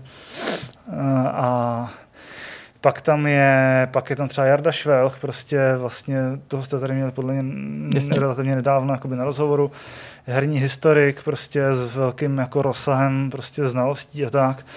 Eh, vlastně potom na, každý, na každou nějakou tu disciplínu je tam nějaký člověk, který prostě má zkušenosti s tím, je tam Tomáš Oramus na zvuk, je tam, bude tam Jana Kiliánová eh, na grafiku, Tereza Krobová jako další jakoby, jako, jako herní, herní vědkyně a ještě jakoby další, další lidi. No. A vlastně jeden z těch předmětů, ještě abych to teda doplnil, vlastně jeden z těch předmětů mm, bude takový, kde my chceme jakoby hodně zvát jako hosty. Protože já si i myslím, že ono on se ten herní design nedá vlastně učit, jako že, si, že si jako stoupneš a řekneš, tak herní design je tohle, teď máme první kapitolu, druhou kapitolu. To je prostě spíš o tom opravdu si jako zkoušet, prototypovat si, anebo když už teda jakoby přednáška, tak si třeba poslouchnout různý názory různých lidí, jak, jak oni přistupovali k různým prostě designovým problémům nějak. Takže tam bude celá série prostě přednášek, kde, kde budeme chtít prostě pozvat co nejpestřejší penzum nějakých hostů, Další věc. A ještě teda jedna důležitá věc je, že tam vlastně velkou součástí je povinná stáž v herním studiu. Mm-hmm. To, aby vlastně, aby tam opravdu byl nějaký ten, ten kontakt s tou, s tou prostě ránou praxí, tak je tam docela jakoby hodně kreditově dotovaná stáž. Vy máte domluvený nějaký partnerský studia, nebo to je něco, co si bude muset pak už eh, zařídit ten samotný student? Uh, t- mělo by to v ideálním případě fungovat v kooperaci. My jakoby teď vlastně jsme ve stádiu, kdy uzavíráme smlouvy s těma studiama. Uh, a teď je to takový, teď to zrovna jakoby probíhá, prostě tam to trochu naráží na nějaké administrativní problémy jakoby ve škole, ale máme uzavřenou smlouvu se SCS a s 2K, ale jednáme jakoby s dalšíma studiemi, já to asi úplně teď tady nebudu prostě jmenovat s kým, s kým, s kým, s kým ne, protože to je ještě takový jakoby živý, ale myslím, že všichni, co jsem všichni, co jsem jakoby se s nima bavil, tak jsou tomu vždycky jakoby velmi otevřený a nacházíme, jo, jako samozřejmě vyťukáváme si, zjišťujeme, že prostě tohle to třeba, tohle, tohle půjde, tohle nepůjde, ale ta vůle na obou stranách je, takže já věřím tomu, že prostě najdeme nějakou společnou řeč vždycky nakonec. Zmínil jsi přednášky a hosty, tak mě napadá, co když třeba někdo ještě nemá věk na to, ale bude moc na takovou přednášku se jít podívat. Jinými slovy, bude možnost možnost některé ty přednášky navštívit? Co by, co by veřejnost, nějaká, nějaká příležitost? No, já si myslím, že třeba tyhle ty typové přednášky by teoreticky mohly být. Nebo já si myslím, že přednášky obecně na vysokých školách, teď si teda jako mám pocit, že jsou z principu veřejný. Já, já, já mám taky, jenom no. nejsem jistý si, jak je to, když jsi mluvil o těch dílnách nebo no, některých dílny, konzultace, že to bude asi specifický. To určitě ne, to je, to je, prostě to je zavřený pro malý okruh lidí, to určitě ne, ale tyhle ty přednášky nějakým způsobem jo. A my se ještě i bavíme mm, třeba s Matfizem nebo s Umprumkou o tom, že my chceme udělat takový jakoby uh, úplně nejideálnější by bylo jakoby fyzický nějaký hub, kde se ty studenti budou moct hmm. potkávat, ale tam trochu narážíme na čistě jako prostý problém jako prostor. Hmm. Prostě, že n- není prostě v Praze nějak teď konc jakoby možný nikdo nám nechce prostě poskytnout, není to prostě možné nějak dohodnout nějaký prostor, kde by se tohleto mohlo, tohleto dění koncentrovat. Bohužel. Ale i, i tak, jakoby, i když i jako virtuálně, jo, vlastně sdílet si prostě právě tyhle ty nějaký předměty, co to jde, my budeme prostě zase posílat studenty k ním na nějaký kurz, prostě mm-hmm. sdílet si to takhle. Jo, protože ve spoustě věcech se překrýváme a je zbytečný se za prvý dublovat a za druhý zvát třeba ty hosty, prostě, aby objížděli všechny, všechny ty tři fakulty nebo něco. Jo. Takže Doufám, doufám, že tohle se nám podaří nějak jakoby udělat, aby tohle fungovalo, že, že budeme sdílet jakoby hodně ty zdroje. Zase, zase všichni jsou tomu naklonění, doufám, že se to povede, praxe ukáže čas, no, jak to bude. Je třeba reálný, aby studenti z různých škol spolupracovali na nějakých studijních projektech nebo na nějakých ročníkových pracích? Protože ty si právě zmínil to, že jsou tam nějaký ty překrývající se přednášky, tak... možnost dopřát ten kontakt, ale bude to přenést právě i třeba do té jako praktické části té výuky. Ono se to jakoby děje, že jo?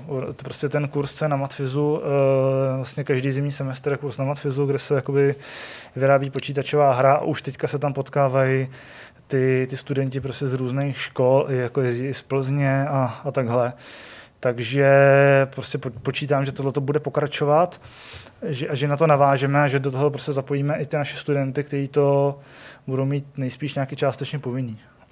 Hodně by mě taky zajímalo, pro kolik lidí tenhle ten studijní odbor je, protože je magisterský, navazující, je to specifická disciplína, předpokládám, že samotná škola a její vedení si to tak trochu potřebuje oťukat, možná, možná se mýlim, tak by mě zajímalo, um, jestli je to opravdu takový jako krohůžek, když to tak řeknu, nemyslím no, to no, nijak no. handlivě, anebo jestli je to něco většího. Ne, je to tak, my, my máme nabrat nějakých pět až sedm lidí. Mm-hmm. Já si myslím, že, myslím, že sedm lidí je horní hranice, nevím, jestli tam je nějaká spodní hranice, ale sedm lidí je horní hranice.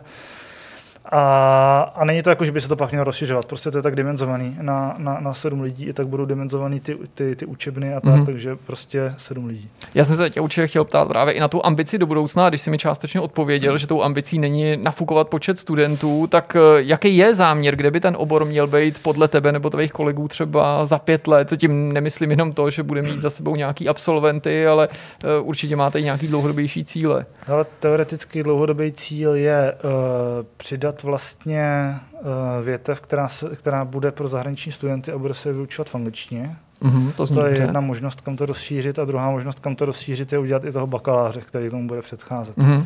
To by mě hodně zajímalo, to musí určitě spoustu diváků teďka napadat v těch chvílích, co se o tom bavíme. Třeba pochybují o tom, jestli mají sami dostatek zkušeností, jestli by uspěli u toho přijímacího řízení, jestli třeba obor, který studovali, není úplně mimo. Jo, a teďka prostě plácnou filozofická fakulta, prostě historie, něco podobného. Říkáš si, já tam asi tu průpravu nemám, nejen, že to není technická disciplína, ale já nevím, něco jsem si doma zkoušel, jo, to asi kde kdo, ale um, třeba se někdo prostě bude obávat toho přijímacího řízení. Má nějaký vlastně jako důvod, jestli mi to můžeš úplně jako lajkovi vysvětlit, proč je to magisterský a ne bakalářský obor, nebo proč to nejsou právě oba? No, ale to ti člověče asi úplně nevysvětlím. Jako já jsem totiž nebyl úplně, to, to má nějaký kořeny, ve kterých teda já úplně se přiznám, že nevím. Jo, uh, prostě nějak jakoby historicky z toho, jak jsou ty programy na FAMu stavěný, mm-hmm. tak prostě to tak jakoby vyšlo, že je to navazující magisterský. Ale já si myslím, ale jako myslím si, že ono z toho vzniká právě zajímavý mix toho, že, že tam právě jdou ty lidi, kteří už nějakou svoji kterou už nějaký jakoby, zkušenost mají. Už to nejsou přece jenom lidi, kteří si jakoby, úplně hledají. Už tam jde někdo, kdo už prostě jakoby, vystudoval, vysokou školu toho bakaláře, už trošku jakoby tuší, co chce a teď může tu svoji, má nějaký prostě solidní jakoby základ v něčem a teď ho může prostě rozvinout a posunout právě do nějakého dalšího oboru. Takže já, já si myslím, že by to jakoby fungovat mohlo. Samozřejmě, eh, jako říkám, ta praxe jako ukáže, ale já jsem na to právě docela zvědavý, protože si myslím, že by tam mohl vzniknout jakoby hodně zajímavý, uh, hodně zajímavý kolektiv, kde tam prostě přijde sedm lidí, každý jako s různým backgroundem a oni se a oni se prostě od sebe budou navzájem jakoby učit jako spoustu, spoustu zajímavých věcí, což si myslím, že je jedna nakonec jako z nejdůležitějších věcí, prostě co se tam potká za ty lidi a co oni navzájem se dokážou prostě mezi sebou, mezi sebou předat a mezi sebou říct. Ještě by mě zajímalo, kdy přesně se k tomuhle tomu oboru připojil ty a případně jestli jsi byl v té chvíli, kdy se třeba tvořil ten eh, budoucí tým těch vyučujících. Hele, to bylo, já si myslím, že to bylo tak před třema rokama zhruba, třeba půl, uh, mě oslavila Helena Bendová, která právě to jakoby rozjela, celý ten projekt. A některý už lidi v tom týmu byli a některý, některý se ještě hledali. No, myslím, že to bylo tak jakoby na půl. Já se totiž tam z toho důvodu, promiň, že jsem ti do toho skočil, že by mě hrozně zajímalo, vlastně jakým způsobem ty si sám, anebo tví kolegové na tu nabídku reagovali, nebo vlastně co jste jako řekli té možnosti, že byste připravovali nějakou budoucí generaci vývojářů? No tak já jsem nejdřív podivený, že teda někdo jako chce, abych já teda učil na vysoké škole, tak to byla moje jako první reakce, ale, ale druhá byla, že mě, no, že jako mě osobně to prostě láká. A musím teda říct, že mě to láká i jako kvůli sobě, prostě kvůli tomu, aby vlastně člověk, jako, že mám pocit, že prostě, mm, abych jako nezakrněl, abych se prostě potkával s nějakýma novými podnětama, takhle, tak se snažím prostě v rámci možností žít život nějak jakoby pestře a myslím si, že prostě tohleto se setkání s těmi studentama by tomu jakoby mohlo pomoct. Jako na druhou stranu se trochu i bojím, jak to bude časově náročný a tak. Myslím si, že to prostě bude trošku darda, mm-hmm. ale, ale tak prostě si s tím člověk bude muset nějak popasovat. No. Já samozřejmě nechci, aby si nikoho jmenoval konkrétně, ale zajímalo by mě, jestli byl někdo, kdo odmít, nebo koho jste chtěli zlákat. A teď mi nejde o ty důvody, ale že se jo, třeba jako... nepodařilo do toho týmu někoho dostat, ať už kvůli času. Nebo Oslovovali jsme spoustu lidí jakoby, a, a, to, nebo i byli lidi, kteří v průběhu toho projektu vlastně od toho jakoby odešli. No. Takže jako tam prostě bylo. No. Tam jsou fakt asi nejčastější ty důvody, jako nějaký časový nebo motivační. Prostě jako tohle to, nem, to v, i vzhledem k tomu jako finančnímu ohodnocení to člověk jakoby úplně nemůže prostě dělat eh, jakoby pro peníze, nebo není to prostě, nemůže to být to hlavní, takže to musí fakt jako nějaký fanda, který ho prostě bude bavit, že nebo lákat, že prostě, že bude někde jakoby učit prostě mladý lidi, jo. No. Ty už si to částečně zmínil, to, že jsem pochopil, že vlastně věříš tomu, že by tě ta zkušenost mohla samotného obohatit no, a doufám, že je to pro tebe ně, potenciálně nějaký uh, zajímavý impuls. Jak často se vlastně stane hernímu vývojáři, že ten podnět právě nevychází jako přímo z něj, z něho nitra, ale že tě na ten nápad nebo na nějakou myšlenku prostě přivede někdo, někdo zvenčí. Já si to že nedokážu že ho přesně ani představit, proto se ptám. Teď, teď myslíš, teď jsem to Myslím třeba na nějaký právě herní nápad ve smyslu toho designu, víš, jako když, no. když říkáš, že si je to jako něco, co ti prostě může vnuknout i někdo jiný než ty sám. No já si myslím, že totiž to není o nějakém konkrétním nápadu, který mm-hmm. ti někdo vnukne, že to je prostě opravdu o tom, jak máš jako otevřenou tu mysl, že prostě, že má, že má ty pestrý podněty, že se to nedá prostě specifikovat na jednu konkrétní věc, tak teď půjdu, já nevím, udělat tady něco, se kouknout na film a to mě strašně inspiruje. Prostě mm-hmm. ono to je takový, jakoby, nebo pro mě to je takový, jako, že to je víc, víc ve vzduchu, víc takový vláční prostě, jo.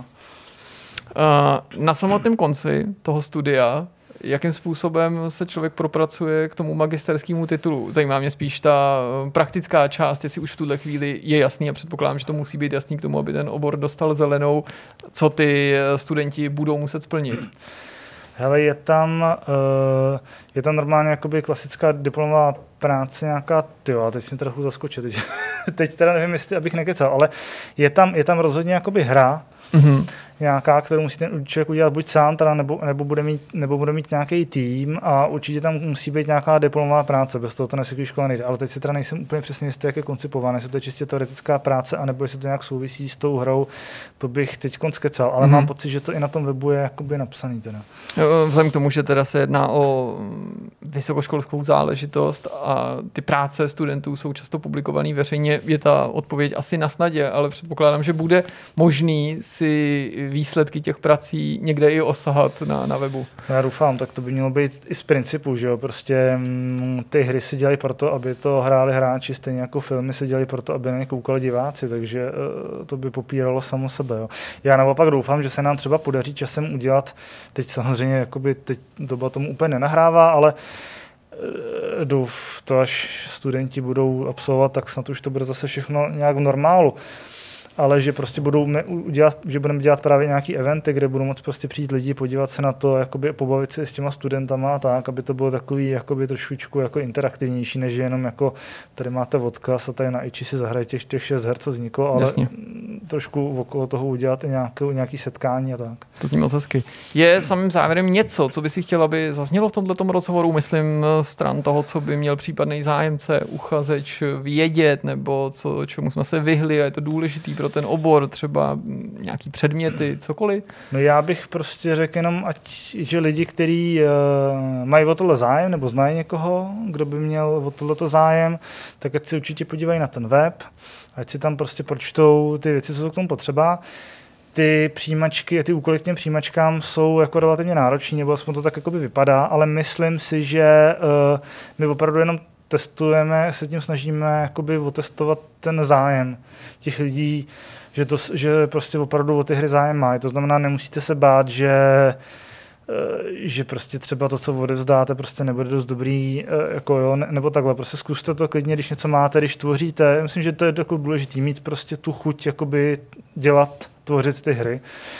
A tohle nám zkuste prostě nějak dokázat, že tuto tu chuť máte. A, a přihlášky jsou otevřené od 1. března a uzavírají se 15. dubna, tuším, nebo 14. Říkám, podívejte se na ten web, co tam všechno je, je tam i e-mail, kdybyste měli nějaké dotazy, napište maila, odpovíme, poradíme. Tak dík, tak já se na to teda mrknu. No. ale asi to nejde. Moc krát díky Michale za tohleto povídání a že jsi nám představil obor herní design na FAMu. Zní to moc zajímavě. Věřím, že někoho z našich diváků to zaujme natolik, že od té teorie přejde třeba i do praxe a samozřejmě... Já ještě, ještě připomenu ten web, teda, mm-hmm. takže to je hernídesign.famu.cz. Super, tak tam najdete podrobnosti. Tobě i tvým kolegům přeju hodně štěstí a samozřejmě taky budoucím uchazečům a studentům. Ať z toho vzejde něco pěkného, ať se můžeme těšit na novou generaci her od nové generace vývojářů. To byl Michal Berlinger, který byl hostem tohoto vidcastu. A my jdeme na další téma. Tak jo, díky za pozvání. Jsme na konci, máme po rozhovoru a teď už nás čeká jenom závěrečný myšmaš. A je čas míchat. Ano, je čas mých. tak to tak se smálo. Dobře. Uh, Jirka s Petrem tady začali si vyměňovat uh, nějaké svoje zkušenosti s nějakýma pochybnýma internetovými službama. Tak uh, já vám to klidně ukážu, to přenechám, pánové. No, já dám Petrovi hned slovo, ale než vám to bude moc říct, tak já ti jenom ukážu, aby to nevypadalo, že jsem se na to připravil, nebo že jsem mm. to mhm. vymyslel. Jo? Když u mě dáš anonymní v Safari jo, na mobilu, tak to rovnou vyskočí. To je odpověď na tvoji otázku. Pojďme se k tomu přesunout, pojďme okay. to rovnou probrat. Okay, okay. Začni ty a já ti to pak si to přeberu. Já mám víc zážitků a začnu tady tím podstatným, tak protože... Jo, tak se budeme střídat. protože ne, začneme tím s tím, to je jako velmi no, vyřešit. No tak já pak na to navážu. Ale já jsem si řekl, že bych nějaký své těžce vydělaný mince teďka investoval do do... A to tím, co lidi investují, Petr investuje. Do kulturního vzdělání. Ano, uh, tak jsem si udělal account na OnlyFans. Tak je to trochu možný vnímat jako sociální služby, nebo pomoc matkám samoživotelkám. Jo, ano, ano. Můžu jenom jako, ještě jako suvku právě k OnlyFans, jakože uh, to i vlastně, když Jirka to zmiňoval, že jsi založil jako OnlyFans. A Oni ty, to lidi špatně pochopili. Tak přesně, tak jakoby, když někdo řekne, že jsi založil OnlyFans, tak já si pod tím představím to, že už jako si založil ten a teda tam házíte svoje jako nátý fotky. Ne, tam, Takže většinou... Ne, to tam byl ten cíl. No tak jako, Aha, já jsem to neupřesnil. Já, já to upřesním ale, rovnou, já ne. ale že jako vždycky, když o tom někdo jako mluví, takže jsi jako, jako začal předplácet někoho. Jo, jo, tak, tak. Ale no, dobře, takže oba máte prostě účet na OnlyFans, no, takže jdeme hledat. Účet máme, no. Účet máme, ale nic neukazuju. Uh, nemyslím si, že nějaká hodnota jako čehokoliv na světě by dokázala vyrovnat mý odhalený tělo, takže to bude na jiných službách nějaký dárko, jako asi to možná nedovíš. platit v kuřatech, prostě a hodí někdo stripsu. A já budu vyhrožovat, že zoubnu, ani musíte dokrmovat, tak nějaký japonský podivný. Tamagotchi. Tamagotchi. 8 zigrů měsíčně. To je s četem. Nechci vaše dolary, dej ten, ten kuřata. Petrogoči. Ale Petrogoči. Nicméně založil jsem si OnlyFans opět, abych se neukazoval, ale bych nasypal nějaký mince do měšců těch paní, který mám, který sleduju třeba na Instagramu. Uh, ty paní, který se hodně vystavují ve filmech, jsou jako známí dost svojí tvorbou dlouhodobě, jsou známí ze všech úhlů, různých jako dálky, loupky a tak. Hmm. A první něco jsem narazil, že ta služba nemá rozumný vyhledávač. Strašně no. stupidní komfort. Jakože ne, že jako, že nemá dobrý vyhledávač, ona nemá vyhledávač. Ne, jako, nemá. on tam je, on je tam jako vložený do té stránky, ale já tě jako nabítil a nevím, co by si s ním měl dělat, protože nic jsem nenašel, kdykoliv jsem si chtěl jako někoho dohledat, klidně Takže normálně odkaz. civilní jméno tam prostě nedá. Tam, tam, Umělecký, jakýkoliv no, tam nejsou jméno, ani pořádně doporučení, nic, nic to, je jako, to není jako Twitter, to. to vypadá jako takový jako placený Twitter za paywallem s nahotinkama, oni tam teda nejsou jenom nahotinky, ale dejme tomu, ale ve, tam veš, ale. veškerý ty služby nebo komfort, na který jsi zvyklý z běžných sociálních sítí, tady chybí. A to je divný, na to, že se OnlyFans daří extrémně. Uh, když se člověk podívá na nějaký jako finanční výkazy, tak ta firma generuje docela dobrý peníze. Uh, takže bych řekl, že nebo čekal bych, že do takových věcí zainvestují. A vlastně mě to úplně znechutilo používání té služby. Uh, já jsem odhodlaný teďka vzít svých 10 doláčů a ukázat na někoho a tobě to dám. A ty se ukážeš na odměnu. Oni a... si to ty holky propagují totiž sami na těch Instagramech. Tak, těch jiných to funguje pro linkování zmenší. A tam jsem musel prostě udělat kolečko, oběhnout všechny možné sociální sítě, pozbírat ty odkazy a konečně si našel ty stránky, protože mě úplně fascinuje, jak něco takhle zásadní, jako vyhledávání nebo doporučování, jak nefunguje. Jak je to prostě totálně, totálně mimo. A ty jsi říkal, Jirko, že na to máš možná i řešení. Jasně, hele, tak to já jsem už o trochu dál než ty, Ok. okay. nerad se chlubím, ale je to prostě tak. Full ehm, výplaty, protože, protože money. to je samozřejmě klasický problém na začátku, že toho jsou plný ty reddity a další fora, kde všichni říkají, teď jsem tam založil a kde jsou ty holky, nevím, jak je mám najít, co tam mám udělat, prostě holka, lumeno OnlyFans, pak to Hmm. něco nabídne, nenabídne, protože byste to museli napsat naopak, OnlyFans, lumeno holka, No, takové jako základní poučení, jak funguje internet. No ale prostě postupně se prokoušeš ke službám. Takže máme tady služby jako OnlyFinder To jsou třetí strany. a. OnlySearcher. To, Ok. jsou, to není oficiální, to je prostě služby, které jsou na to nalepený, ale to je hrozně vychytaný. Jo? Tady máš prostě počet profilů, ve kterých to hledá, Mhm. nový, bezplatný, s trialem, jo, s akcičkama, anebo podle mapy, jo, to mi přijde vůbec nejlepší, jo. Potvrdíš geolokaci, Zličín. boom, kliknu na to a šup, jo, a už to sype prostě Nějaký, nějaký, Češky tady ze Žižkova. nějaký paní z Prahy a tak. Hezké. Totéž na tom Only Searcher taky, to je hodně taky jako tematický, k těm hrám jsme se trochu odchýlili, že jo. A myslím, že to lidi úplně To asi nevadí. Já myslím, že to jsou Ale- dost cenné ale- informace. Ale i ten kontext funguje dobře, jo, jak oni tady píšou a nekecaj, hledejte podle jména, nicknameu, prostě nějakých jako hashtagů. vole, no, to je... A nebo prostě úplně obyčejně tam napíšeš prostě check a je to. Jo, fakt to je prostě úplně, jo, úplně jako takhle jako po staru. Tady jsou dokonce ty kategorie, taky je tady placený, trial, volný, anebo podle země. Teď si tu zemi najdeš, kdyby si byl obzvlášť hloupý, jako třeba já, tak tady máš i ty vlajky, jo, ale to nemáš toho mobilu prostě šanci najít prostě v tom listovat, takže klikneme na tady českou vlajku Mhm. mm-hmm. a už to vidíme, jo, a i ty, i ty jména tady třeba asi vlastně nemůžeme dělat reklamu. Tak no. Asi ne. Ale no prostě je- jsou tam nějaká děvčata a hned vidíš nějaký podrobnosti, kolik mají obrázků, kolik mají videí, kolik napsali zpráv a tak. Možná Přijde taky naposledy, často jsou taky mrtvý účty, že jo. Ale Ne, hlouběji že- jsem se teda do toho jako neponořil, Takže jo, zase abych nevypadal jako vůbec ne, abych Aha. nevypadal jako nějaký odborník, asi tam opravdu, já vím, že teď mi to jako lidi nebudou věřit, že jo, protože jsem to celou dobu tak jako zlehčoval a tak a vypadali jsme všichni free a cool. Mě to jako fakt zajímalo, jak to funguje, takže já jsem Jo. jako studoval nejen tohle, ale i ten druhý, jak tomu říkám Vinted, ale ve skutečnosti je to Glamino, to já všemu říkám nějak jinak, jo, že třeba ten Burger King je ve skutečnosti Clubhouse? Clubhouse, přesně. Mám taky prostě kódový označení. jako Počkej, počkej, to, ten takže- Burger King. No, prostě Jirka tomu říká Burger King. No, ok, okay, takže takže ty to, to- Clubhouse takže- říkám Burger King. Tak já to No a právě, jako protože to nemůžu zapamatovat, takže tomu dám svý jména, který si pamatuju, takže třeba to Vinty to vzniklo tak, že jsem věděl, že to je s nějakým, že to, že to glamíno je něco jako v oblečení, ale nikdy si nespomněl na glamy a vzpomněl jsem si na Vinty, ty jsem vždycky do toho rval porn naked, prostě Vinty, prostě, ono to něco najde. Jo, Vždycky tam jsou najde. fora, takže tam Tak ty no. holky stejně něco prostě řeší, nejlepší horčičí porno a tak.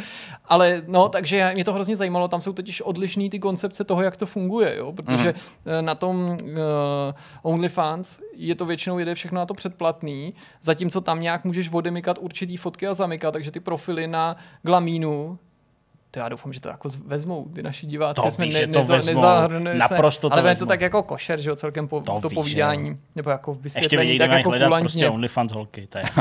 Nebo To, na tom. Glamínu jsou ty profily většinou veřejný, ale určitý fotky nebo videa jsou tam teprve placený. Mm-hmm. A to Glamino to je navíc jako český projekt, který se v podstatě o tom OnlyFans opičí, ale jako něco to zkouší jinak. Taky stejná koncepce, že se tam může přihlásit kdokoliv. I na Glamínu, že jo, jsou různý český pornoherečky, pochopitelně, nebo...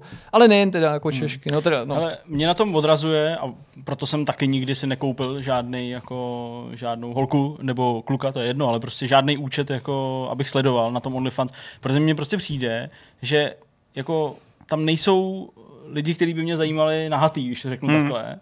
A zbytek jsou pro mě jako Prostě úplně random obrázky, který najdeš, když napíšeš prostě cokoliv. No No to musíš mít právě kliku, že tam najdeš třeba spolužačku, protože já si myslím, že většina lidí vlastně chce vidět nahatou spíš třeba tady paní recepční, Hmm. ne- nebo si to převratě na svoji recepční, nebo sousedku, Nějakou spolužačku, kolegyni, než prostě nějakou holku z Kalifornie, protože to můžeš otevřít No jakýkoliv právě. jiný server a tam na tebe prostě to ty na mě- holky tečou prostě ze Hmm. všech stran. Takže to mě vlastně vůbec taky jako teda. neláká. Z tohohle důvodu. Hmm. Mm. Říkám, proč platit za něco, co, čeho je jako plný internet. No. No. Tam byla, já nevím, Amy Adams třeba nahatá každý týden, prostě nebo něco, taková moje jako Tak mil, milf crush, tak, tak jako klidně. Helen Mirren. Ty vole, třeba. O ní ještě budu mluvit, tak si říkám. Tak to se hodí. No, tak jako protože téma. Helen Mirren je hrozně vtipná, že jo? Tehdy, když byl ten Fappening, když utekly No. ty fotky z toho iCloudu, tak ona sama si z toho dělala legraci, že tam má jako taky fotky a že jako Nikdo o nich nikde nepíše. nic. Jako. Jennifer Lawrence. Jo, že prostě všichni Jennifer Lawrence, Kirsten Dunst, prostě všichni víme, to jsou nesty, kdy se na ně podívám a vidím, jako, prostě vidím. Jasně. Ale prostě Helen Mirren taky vidím, jako jo, ona si, a prostě nic, jo, kde jsou ty fotky? To je divný. Mě to jenom teda jako děsí to, že, že někdo má vyhledávač na síti, který je technologicky mnohem dál než tvoje vlastní jako síť a služba, což mi přijde jako obohyzný. Ale tak třeba až, až vydělá ještě pár miliard dolarů, tak možná zainvestují do toho vyhledávání, třeba se to stane. A, ale jenom je jako vidět, jak moc ti třeba znechutí tu odhodlanost eh, ty peníze tam dát. Jak málo stačí, aby si jako řekl, "Ach, zavřu to a nechám to být, nebo to smažu, že jako fakt jsou to malé věci dneska, když, když vlastně Onboarding slabší, veď? non, non-existující. asi Tak jako onboarding, jako že jedeš eh, je třeba dvoustovkou a najednou před tebou je berlínská zeď a Tak ty to no. do ní narveš prostě a až musíš po tam dát tu kartu. Tady to je fakt jako spíš waterboarding než onboarding tam na úrovni. ale, ale závodný to není, nicméně jako se mi to podařilo a nějaký to, nějaký mince jsem tam roztočil. A- Fakt? Fakt? jo. No, tak to si dobrý. Počkej, ale Ne. přece jako ne u pornohereče, když prostě napíšeš porno, tak tam máš nahatý. Že to právě není vončo, to je, to je, tady to je takový osobnější, byť je to zdí to jako úchylně. Je to prostě, je tam něco jiného, já jsem chtěl vyzkoušet hlavně, já jsem nechtěl, nebo nebudu házet 50 doláčů každý Ale, ale měsíc. furt to mi je to přijde jako- líp, než házet prachy prostě do těch beden nebo do těch automatů. To jsem taky udělal. No to já Nicméně vím, moje tak druhý téma. říkám, že tohle mi přijde lepší. Já dělám Tady odměna přijde a je jako dobrá, ne? To asi jo, ale No nic. dělal jsem spoustu jiných věcí. Dobře, A- pojďme. no, spoustu, konkrétně dvě jsem zažil. Mimo jo. Hrál jsem Call of Duty Black Ops eh, kampaň, eh, Cold War. Vyzkoušel jsem si ji, když jsme hráli teda ten online tak hodně, tak jsem si řekl, že mohu zkusit ještě tu kampaň. No a Uh, líbí se mi ten koncept toho hubu, uh, ve kterého se pak posouváš na ty mise dál. Mm-hmm. To je vlastně Jo, docela to je jako, jako novinka. Tabule, tam jsou tak, taky no. minihry ještě. Že schovaný easter eggy kolem, že to je vlastně docela jako nečekaný pro mě na Call of Duty, takže to se mi Jo. zalíbilo. Mně se taky líbilo. Ale musím říct, že jsem vlastně docela jako už asi přejedený s těma hrama. Uh, ta kampaň, ty mise mi přijdou všechny jako standardně dobrý, pořád, pořád mě vlastně jako baví, ale jak už si hrál všechny předtím, tak toho prostě hrozně moc a už se i ty nápady opakují, už to prostě jako nefunguje tak dobře jako v minulosti. A ten závěr? A to nedohrál ještě. Jo, ty jsi Ještě no, nedohrál. Protože ten, ten závěr je jako takový, my jsme se tady bavili s Jirkou, mm-hmm. že jsme jako, jaký ty závěry jsme měli, já jsem to jako pro potřebu Mhm. Je jich i víc dokonce, Ok, to, i, ok. už i to samo o sobě jako naznačuje, že prostě To je je takový jako zajímavý, pak jedna speciální mise v tom ústředí toho KGB, A uh, tam se ještě nebyl, tak To je je dobrá, taky no. taková jako Jo. fakt jako jiná. Nemusíš to střídání té doby, jak se pohybuješ mezi jako časovými liniemi, je docela zajímavý koncept. Jako na Call of Duty docela jako No, hluboký. zpětně Jo, je docela hezky jako vysvětlený. Některé třeba takové věci, na kterých jsme se tady už na to koukali během toho streamu, říkali si, to je takový jako divný, tak bylo docela fajn, jako pak že to nakonec před koncem smysl. jako si říct, jako jo, já jsem tak chytrý, Já jsem- to viděli. Přesně, přesně. Takže jo, Ok, jako, ok. jako ve smyslu toho příběhu chápu, že To se k tomu asi ještě vrátím, já jsem to nějak Jo, dohraj to, a- to jako, není to dlouhý, že jo. Tak, no ideální. Uh, a třetí věc, viděl jsem film po dlouhé době a na Netflixu se objevil uh, film z roku 2019, jmenuje se to Brightburn. Viděli jste to někdo?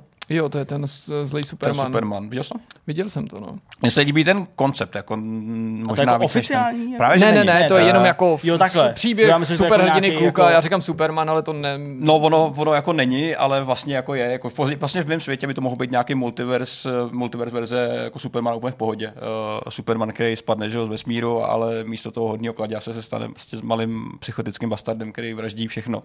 Hmm. A to není spoiler, to se skutečně jako odhalí už na začátku filmu. To si myslím, že navíc je dost jako taková častá otázka těch lidí, že jo, jako, jak to, že teda všichni tak jako, jako ne, že všichni pomáhají, jsou tam i jako záporáci, Ano, ano, když ano. tyhle ty jako ti největší. Co kdyby využili ty co kdyby svoje- Superman přesně, jako, který jako je úplně ultimátní, Tak tak, byť tak, má no. svý nějaký nemezis, tak jako, jaký by to bylo, kdyby vlastně byl úplně jako no, zlej, no. Oni některé komiksy na to odpovídají, Ano. ale občas bývají vtipnější udělat to menší změnu, ne tenhle ten twist, jako otočit to Že prostě- na ruby, ale třeba ten komiks eh, Red Sun, Rudý syn, je to Ano, v ano. češtině, je- existuje to i jako adaptace, jako animovaný film, mimochodem patří patří mezi ty lepší, ačkoliv ty uh, animované filmy od těch komiksů nemám moc rád. A kdy teda jako bojuje ve jménu Sovětského svazu mm-hmm. Kal-El. Přesně tak, když se Batman stal upírem a podobný, jako multiverse verze že jo, těch světů, mi přijde Hmm. fakt zajímavý. Jo. A proto se mi to docela líbilo, protože to je taková pěkná alternativa. Uh, to, že to James Gunn, pokud se nepletu. Uh, nevím, Tak to se si už nepamatuju. Já jsem to viděl asi před rokem. mýlím. Ono je to rok 2019, tuším, nebo možná 2020. Ono to teď mezi tím bylo už na HBO, takže já jsem Tak, to viděl tady to- někdy tady dřív. to jsem to úplně- fakt jako pozdě. Ale vlastně to má docela takový jako zajímavý creepy, creepy nádech, protože to děcko je fakt jako nechutný. Eh, Vlastně jako cítit, že to hraje tak jako, jak jako zlou, zlou postavu vlastně. Mm. A děti umějí vypadat jako hodně zle, když, když, když chtějí. A tady je cítit taková, jako, taková ta chladnost uh, toho kluka, že, toho syna, který je vlastně jako hlavní postavou. Jo, to tam ten kalkul zatím. Tak no, a, a současně jako ta, ta dětská nevinnost, jako taková, ta, že on vlastně, když ho tam konfrontuje s těmi věcma, tak on jako pořád jedná trošku jako dětsky na jednu stranu, ale víc a víc se v něm projevuje to zlo a to je vlastně jako hrozně hezký vidět, jak se to, jak se to postupně mění a musím říct, že mě to docela jako zabavilo. A ten, jeho, ten jeho kostým je jako fajn. Jako Asi šitou tu ponožku červenou na hlavě, která je pár dost amatérsky, ale pořád dobře. Tak eh, to jsem rád, byl bych rád, kdyby takových filmů se objevovalo víc. Eh, Filmů, který by si brali tyhle ty různý eh, ostatní světy velkých, velkých filmů od Marvelu, od DCčka a trošku líp je stvárňovali, protože si myslím, že tam je pořád potenciálu docela dost. Baví mě polejzat vikiny a zjišťovat, co, kdo je kdo kde a jestli je tady Batman zlej, jestli je tady hodný. Ono ta jinakost je samo o sobě přitažlivá. Já si myslím, Tak. že to mohlo být zvládnutý i výrazně líp, ale tím, že je to taky jako svěží, trochu jiný, tak je to prostě přitažlivý a sleduje se to dobře. Mm, přesně tak, plus podle mě to ani nestálo tolik peněz jako na úrovni Hollywoodu, protože asi ne, říkali, no. že, že to bude z těch levnějších filmů, takže pokud byste chtěli nějaký jako docela zajímavý námět, tak asi, asi, asi tohle. Uh, není to žádná velká věc, kterou byste museli vidět, ale je to celkem příjemný. No a to je vlastně všechno z mé strany. Ten nebýval velký množství zážitků, musím říct na mě.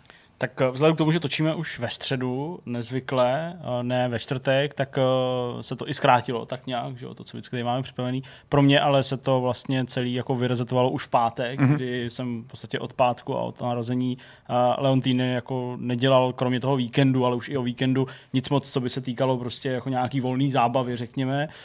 Jediný, na co jsem si našel čas, co jsem opravdu jako ve velkém očekávání spustil, byť ze záznamu, ne, ne live, tak to bylo odhalení uh, nového monopostu McLarenu pro letošní Jo, rok, jo, jo, který jsem. se po dlouhých letech vrátili zpátky s motorem k Mercedesu, mm-hmm.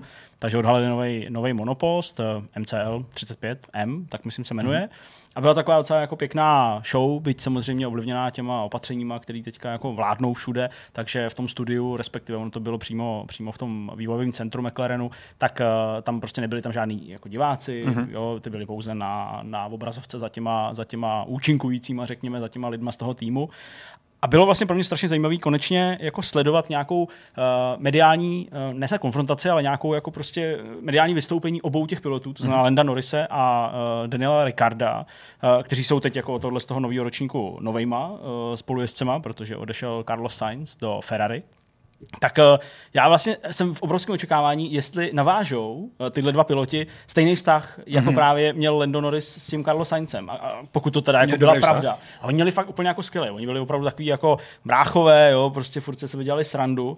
A já mám prostě pocit, že ačkoliv Ricardo je taky takovýhle jako showman a rád si dělá z lidí jako legraci mm-hmm. a je to takový prostě jako opravdu člověk, který i dělá nějaký pranky a fakt jako takový to. Tak já mám pocit, že jako v něm je mnohem víc toho soutěžení, jako mnohem víc mm-hmm. tý, tý prostě jako takový tý týmový nevraživosti, až trochu, která možná nepropluje na povrch tím, že by spolu nemluvili, Jasně. jo, nebo něco, ale jako říkal jsem si, co si asi musí myslet Lando Norris, který už je tam jako tři roky, tuším, a je to prostě velký jako talent, když tam jako se ho ta moderátorka po té, co on tam přijel opulentně v nějakým prostě McLarenu jako silničním, tak tam prostě jako přijel, ona se ho na dvě věty a pak tam přišel Ricardo a toho tam spovídala třeba 10 minut.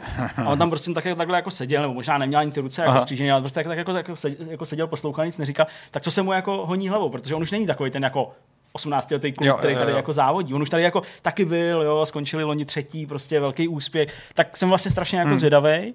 Ko, pátral jsem, koukal jsem, že opravdu v nadcházejících dnech doslova už eh, z vašeho pohledu už některý uh, už přišli, tak přijdou odhalení těch monopostů jednotlivých týmů, hmm. dalších spoustu změn, tak jsem takový jako, jako naladěný, jaká ta sezona vlastně bude. No a co se týče jako sledování videí, tak eh, my s Jirkou máme na počítači tady ve- ve Vortexu přímo v redakci a myslím, že i snad nějak jako doma, prostě neustále přepnutý Vortex účet na YouTube, uh, protože tam prostě spravujeme ty všechny videa a tak dále, takže já to třeba ani nepřepínám vlastně moc, nevím, jak to tady máš ty u sebe doma, nevím, jestli to uh, přepínáš. Na televizi mám jenom nějaký Jo. svůj nebo na iPadu a zbytek asi. Takže se tam jakoby propíjí občas jako to, říct, co že si, to, co si tady pouštíme, samozřejmě vyhledáváme, ale i tak nějak, co, co, jako hledáme, nebo co tak jako si pouštíme uh, během těch víkendů nebo, tě, nebo těch večerů, když tady nejsme, tak sam asi Jirkovi začnou objevovat prostě opravdu jako věci, které se týkají toho, jak, jako držet dítě, jako uklidnit a takovýhle jako, jako legrace, tak nad tím, jsem, nad tím jsem trávil čas, no a vzhledem k tomu, že teď v tuhle chvíli je to 20 8, nevím, 30 hodin, eh, co to dítě jako máme doma, by teď jsem odjel natáčet vidcast, tak, eh, tak jako je to teda jako hustý. A to je nový, veď? A je to jako nový. No. to dost nový. Ale jo, jako prostě tak já jsem očekával, že to, že to, bude, Mm. že to bude náročný, ale prostě první den, takže mě vlastně jako já to bylo tak jako malý vítězství, jak já jsem vlastně překvapený, že jako se mi podařilo prostě přebalit, podařilo se mi prostě převlíknout, byť jako hodila hvězdici, takže jako nešlo dělat nic, jo. Ale je to jako zábava, je to jako sranda, jenom je to prostě teďka bohužel ovlivněný teda náročnější tím, že prostě hmm. ten jako porod a ta cesta na svět jako nebyly úplně easy, peasy, ale to se, to se všechno dá do klidu. Tak jediný co, tak prostě každých 15-20 minut prostě běžím k postýlce, jestli dítě žije a jo, jo, jo. mám prostě takovýhle jako nesmyslný obavy, ale Já bych taky v klidu nespal v takové situaci, asi, jako jak jsme starostli. Hele, ono to jako bych- přijde, jo, protože třeba ten jako první den, kdy jsme tam prostě jako doma byli, tak jako jsem říkal Markétě, ať jde jako spát, jo, že, že, jako prostě, ať to dítě jako nakojí, ale že já prostě ho jako ohlídám, jo, a že tam prostě jako budu chodit a to. Tak ona ani v oko nezamhouřila, jo, hmm. prostě, nebo jako spala úplně jako, jako minimálně. A když jsme si řekli, že teda jako já si půjdu trochu lehnout, protože jsem byl jako vzhůru několik těch cyklů, na který to teďka roz, rozdělený, prostě probudit, nakojit, eh, přebalit, respektive probudit, přebalit, nakojit, spát, tak eh, když jsem jako já měl spát, tak jsem taky jako vlastně tolik nespal, mm-hmm. jo, pořád, ale to si myslím, že je úplně normální, každý, kdo má nějaký dítě, tak si to zažil a tady popisu prostě spoustě lidem, jako, že jsem objevil Ameriku, ale je to teda jako fakt jako hustý, Mm, to věřím, fakt to věřím. jako hustý. No, Takže tak- to je to jediné, co teďka jako tak asi formuje teď jako, jako veškerý můj čas. A, Achievement unlocked. To je Achievement docela, unlocked, Docela no. podstatný achievement. no, tak, tak, tak, tak eh, Teďka ještě tu haciendu za, za 40 milionů a už to máš komplet. jo, jasně, a to to, už, je- to už je příběh uh, Pavla Escobara. To už, to je pravda. No, tak já to ještě uzavřu, ale vlastně nevím, jestli mám čas a možná ho nemáme. uh, ještě máš dvě minuty, pokud bys chtěl víc, můžeme prostě udělat cut. Jak to občas děláme. Ne? Nevím. Asi jo, Si. asi ho Tak uděláme. děláme cut.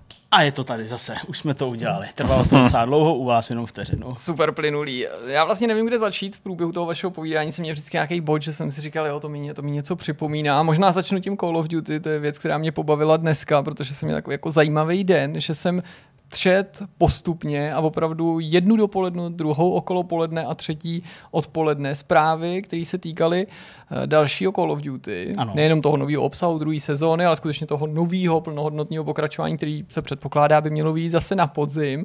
A ráno čtu, bude to válka v Koreji. No, tak to je skvělá Tak jsem to zpráva. i nějak zakomponoval do nějakého jiného článku, protože jsem nechtěl na tom stavět na, na nějaký sice jako z důvěryhodný zdroje, ale pořád spekulaci celý text. V poledne nebo po obědě čtu Nový Call of Duty stoprocentně podle důvěryhodného insidera a leakera bude zasazený do současnosti. Aha. Říkám, aha, takže změna, nebo to s tím mám něco dělat, nebo to. A než jsem se rozhodl, tak bum, odpoledne další zpráva. Důvěrný insider a leaker XY říká, po každý nějaký jiný samozřejmě, Jasně. Nový Call of Duty bude zase návrat do druhé světové války. Wow. Tak si říkal, Tři paráda, tak konečně vím, jak to bude. A tohle jsem z toho přesně vyvodil. Super, to znamená, že na podzim tři nový Call of Duty. Přesně jedno od Infinitu, od druhého Trichar- eh, Triarchu a Sledgehammer. A teďka vůbec nejste, to fakt stane. To se nestane. A nebo to budou tři v jednom, nebo jak někdo mi psal na Twitteru, cestování v čase. Ono je to možný, že vlastně něco jako z těch spekulací, něco bude tam, něco bude do Warzone, něco bude do mobilu a vlastně se ukáže, že každý měl z části To je pravda, pravdu. no. Teďka se bavíme o nebo, něco podobného. Na něco jsem koukal, dvě věci tentokrát podle mě stojí za zmínku. Tou první je Hitchcock, který šel včera na Artu, film, který jsem už viděl dřív párkrát, myslím, je to Hitchcock, ve kterém hraje Anthony Hopkins a Helen Mirren. Jako, ne, ne, nechci říct životopisný film, film o Hitchcockovi, ale on pojednává jenom o jedné krátké etapě, jak eh, Hitch točí psycho. Už když jsem to viděl poprvé před lety, tak mi to přišlo fajn, zejména to stojí na těch hereckých výkonech uh-huh. a i teďka se mi to znovu líbilo, ačkoliv to původně mělo být jenom uh, takový jako krátký vyplnění nějakých mých jiných povinností, takový ten film, co si pustíte, nebo, nebo na chvíli zapnete televizi k jídlu nebo k něčemu a nakonec u toho skončíte až do konce. Říkal jsem si, že to je jako fakt pěkně, pěkně zahraný. Zase jsem si jako potvrdil, že tuhle tu dvojici herců mám rád, teda nevím, hmm. jestli spolu hráli někdy jinde, vlastně si spíš myslím, že ne, ale že uh, Anthony Hopkins je super a tam je skvěle namaskovaný a Helen Mirenová je dobrá, tam jako víc než zdatně mu sekunduje, že vůbec to není tak, že by byla úplně jako ve stínu toho Hopkinse, byť by to dávalo smysl. A druhý film, ten jsem viděl na, na HBO, konkrétně teda na HBO Go, Eh, to je film, který se jmenuje Bláznivá zatracená láska. To něco říká. Vlastně jsem si ho pouštěl poněkud neochotně, tady píšou, že to je romantická komedie z roku 2011, na romantických komediích si moc neujíždím, i když to teda ne, že bych jako ne, nevídal, ale tím skutečným důvodem, proč jsem jako teda úplně jako si, no prostě pustil jsem to znouze, jako že nic nebylo. Je fakt, že hlavní roli tam hraje Steve Carell, který ho teda jako nemám nemo- příliš rád, ale jako vlastně proti němu nic nemám, jo. Třeba t- on nedá jsem si uvědomil, že se mi vlastně líbil v tom uh, americkém remakeu toho blbce k večeři, Jo, jo, jak jsem tam tady zábavný, jako to je mluvil, pravda. tak jsem říkal, no hele, tak prostě jako vlastně vůči němu nic nemám, tak prostě nebuď předpojatý, pust si to, ale tím skutečným důvodem, proč jsem se to nakonec pustil, je teda skutečnost, že v tom hraje Julian Moore, kterou teda jako velmi můžu, tam mi přijde super, jako pěkná, ale zejména teda jsem myslel super jako herečka. Ale vlastně celkově, jestli se Julian díváš, tak ne, jako mám vás na takovém tom seznamu, který si zalaminu a neškrtnu vás jako, Přesně. jako, jako Chandler, prostě škrtnul nějakou tu, tu modelku, co tam potom přišla. A je to příběh, oni jsou manželé, který se, jak to tak asi bývá, najednou uprostřed večeře jako nepohodnou, respektive ona jemu vmete do tváře, že by se chtěla rozvíst. A Dobrý nepohodnutí. Mezi soustem. No, je to vlastně docela vtipný, protože si kladou otázku, jako co by chtěli, a pak snad on řekne něco jako tak na tři řekneme, jako co chceme, a když řeknou to tři, tak on řekne desert a ona řekne rozvod. Ten začátek je, vypadá zajímavější, než to pak je, protože to působí spíš jako takový drama, jako byl uh, Nouzový východ s DiCapriem uh, a jak se jmenuje ta herečka, Kate Winslet, jo.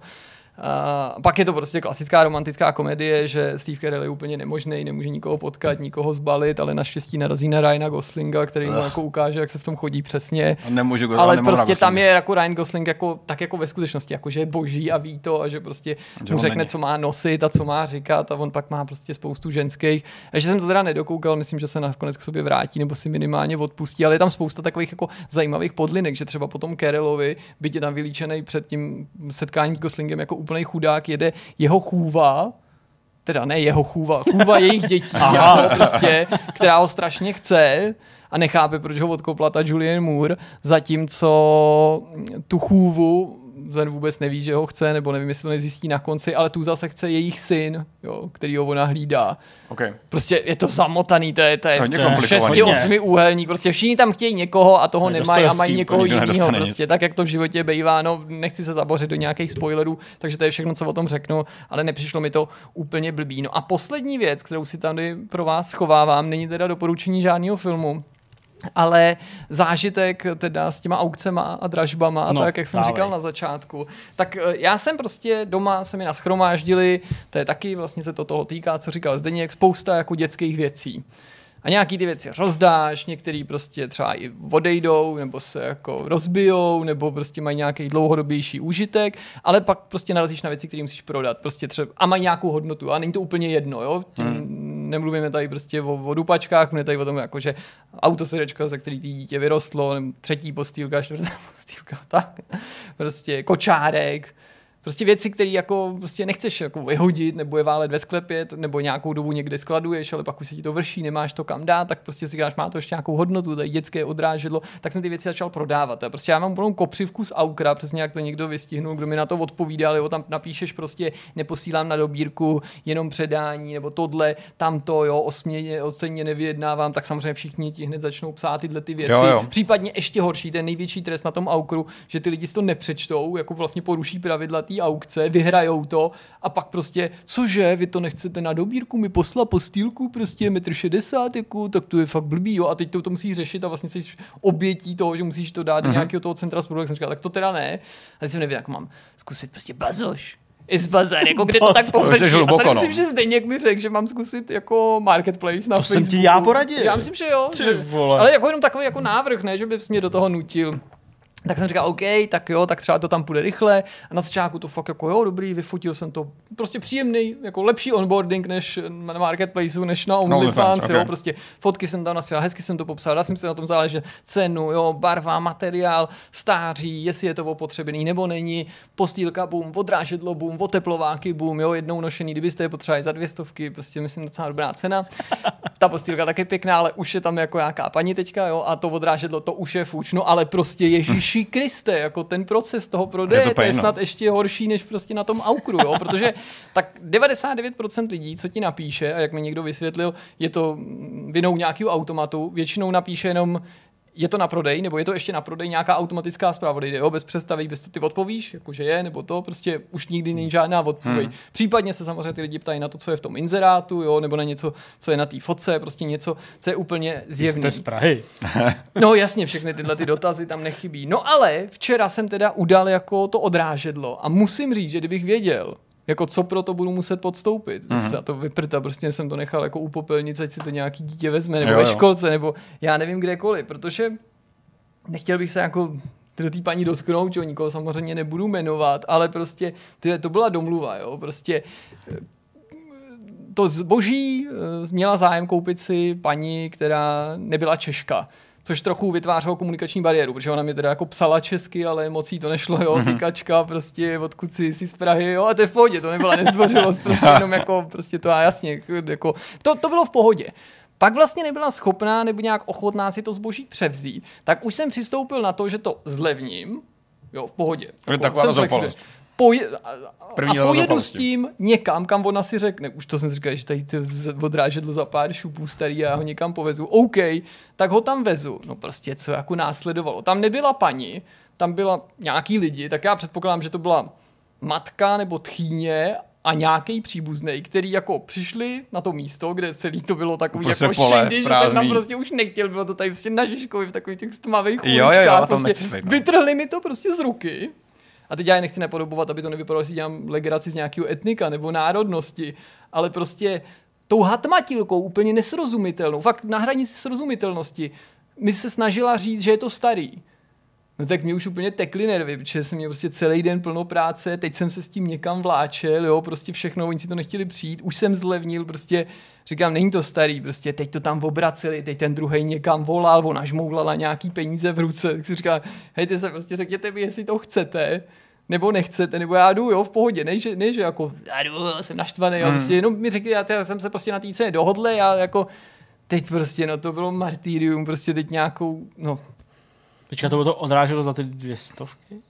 to stálo asi stálo čtyři stovky víc. Aha, nebo jo, to, jasně. no ale prostě byl to úplně jako porod. Hele, jako vlastně o nic nejde, jo, prodej, odrážedla nebo cokoliv jiného, určitě jste to zažili taky, ale vlastně když jsem si jako obecně představil, co musíš kvůli každou tomu prodeji jako Jo. zbytečně podstupovat, tak to si fakt ty věci snad radši nechám doma, i když jsem jinak teda, nebo, nebo je někomu dám, nebo v obecném případě, pokud to má pro někoho nějaký smysl, protože vlastně jako nesnáším to, že se ti to doma vrší, mm. jo, použitej notebook, použitej prostě mobil, ne, není to komu to dát, protože je to starý, takže to vlastně nikdo nechce, že Tak, jo, no. nedáš to ani dětem, nebo to, to. Přesně, zároveň, no. když to to, tak co, to do nekonečna vrší v nějakých policích, nebo na to se dá prach, to je prostě, ale No, a pak prostě žijí nějakým jako spořivým Hmm. způsobem nebo ekologickým, Ekologickým takhle my furt ještě. prostě něco jako to jako vlastně vyrábíme, furt- no to je jedno. Prostě je to, je to těžké, protože vlastně když i ty věci chceš, aby někomu sloužily, tak to Narazíš nemáš komu dát, no, skoro teda. Já jsem to zažil, když jsem něco dával zadarmo. A kolem toho bylo keců a dohod a všeho možného. A říká, to fakt jako lituješ toho času. Já si i říkám, necháš. že to možná i zadarmo bude podobný. I to je prostě hrozný, ty lidi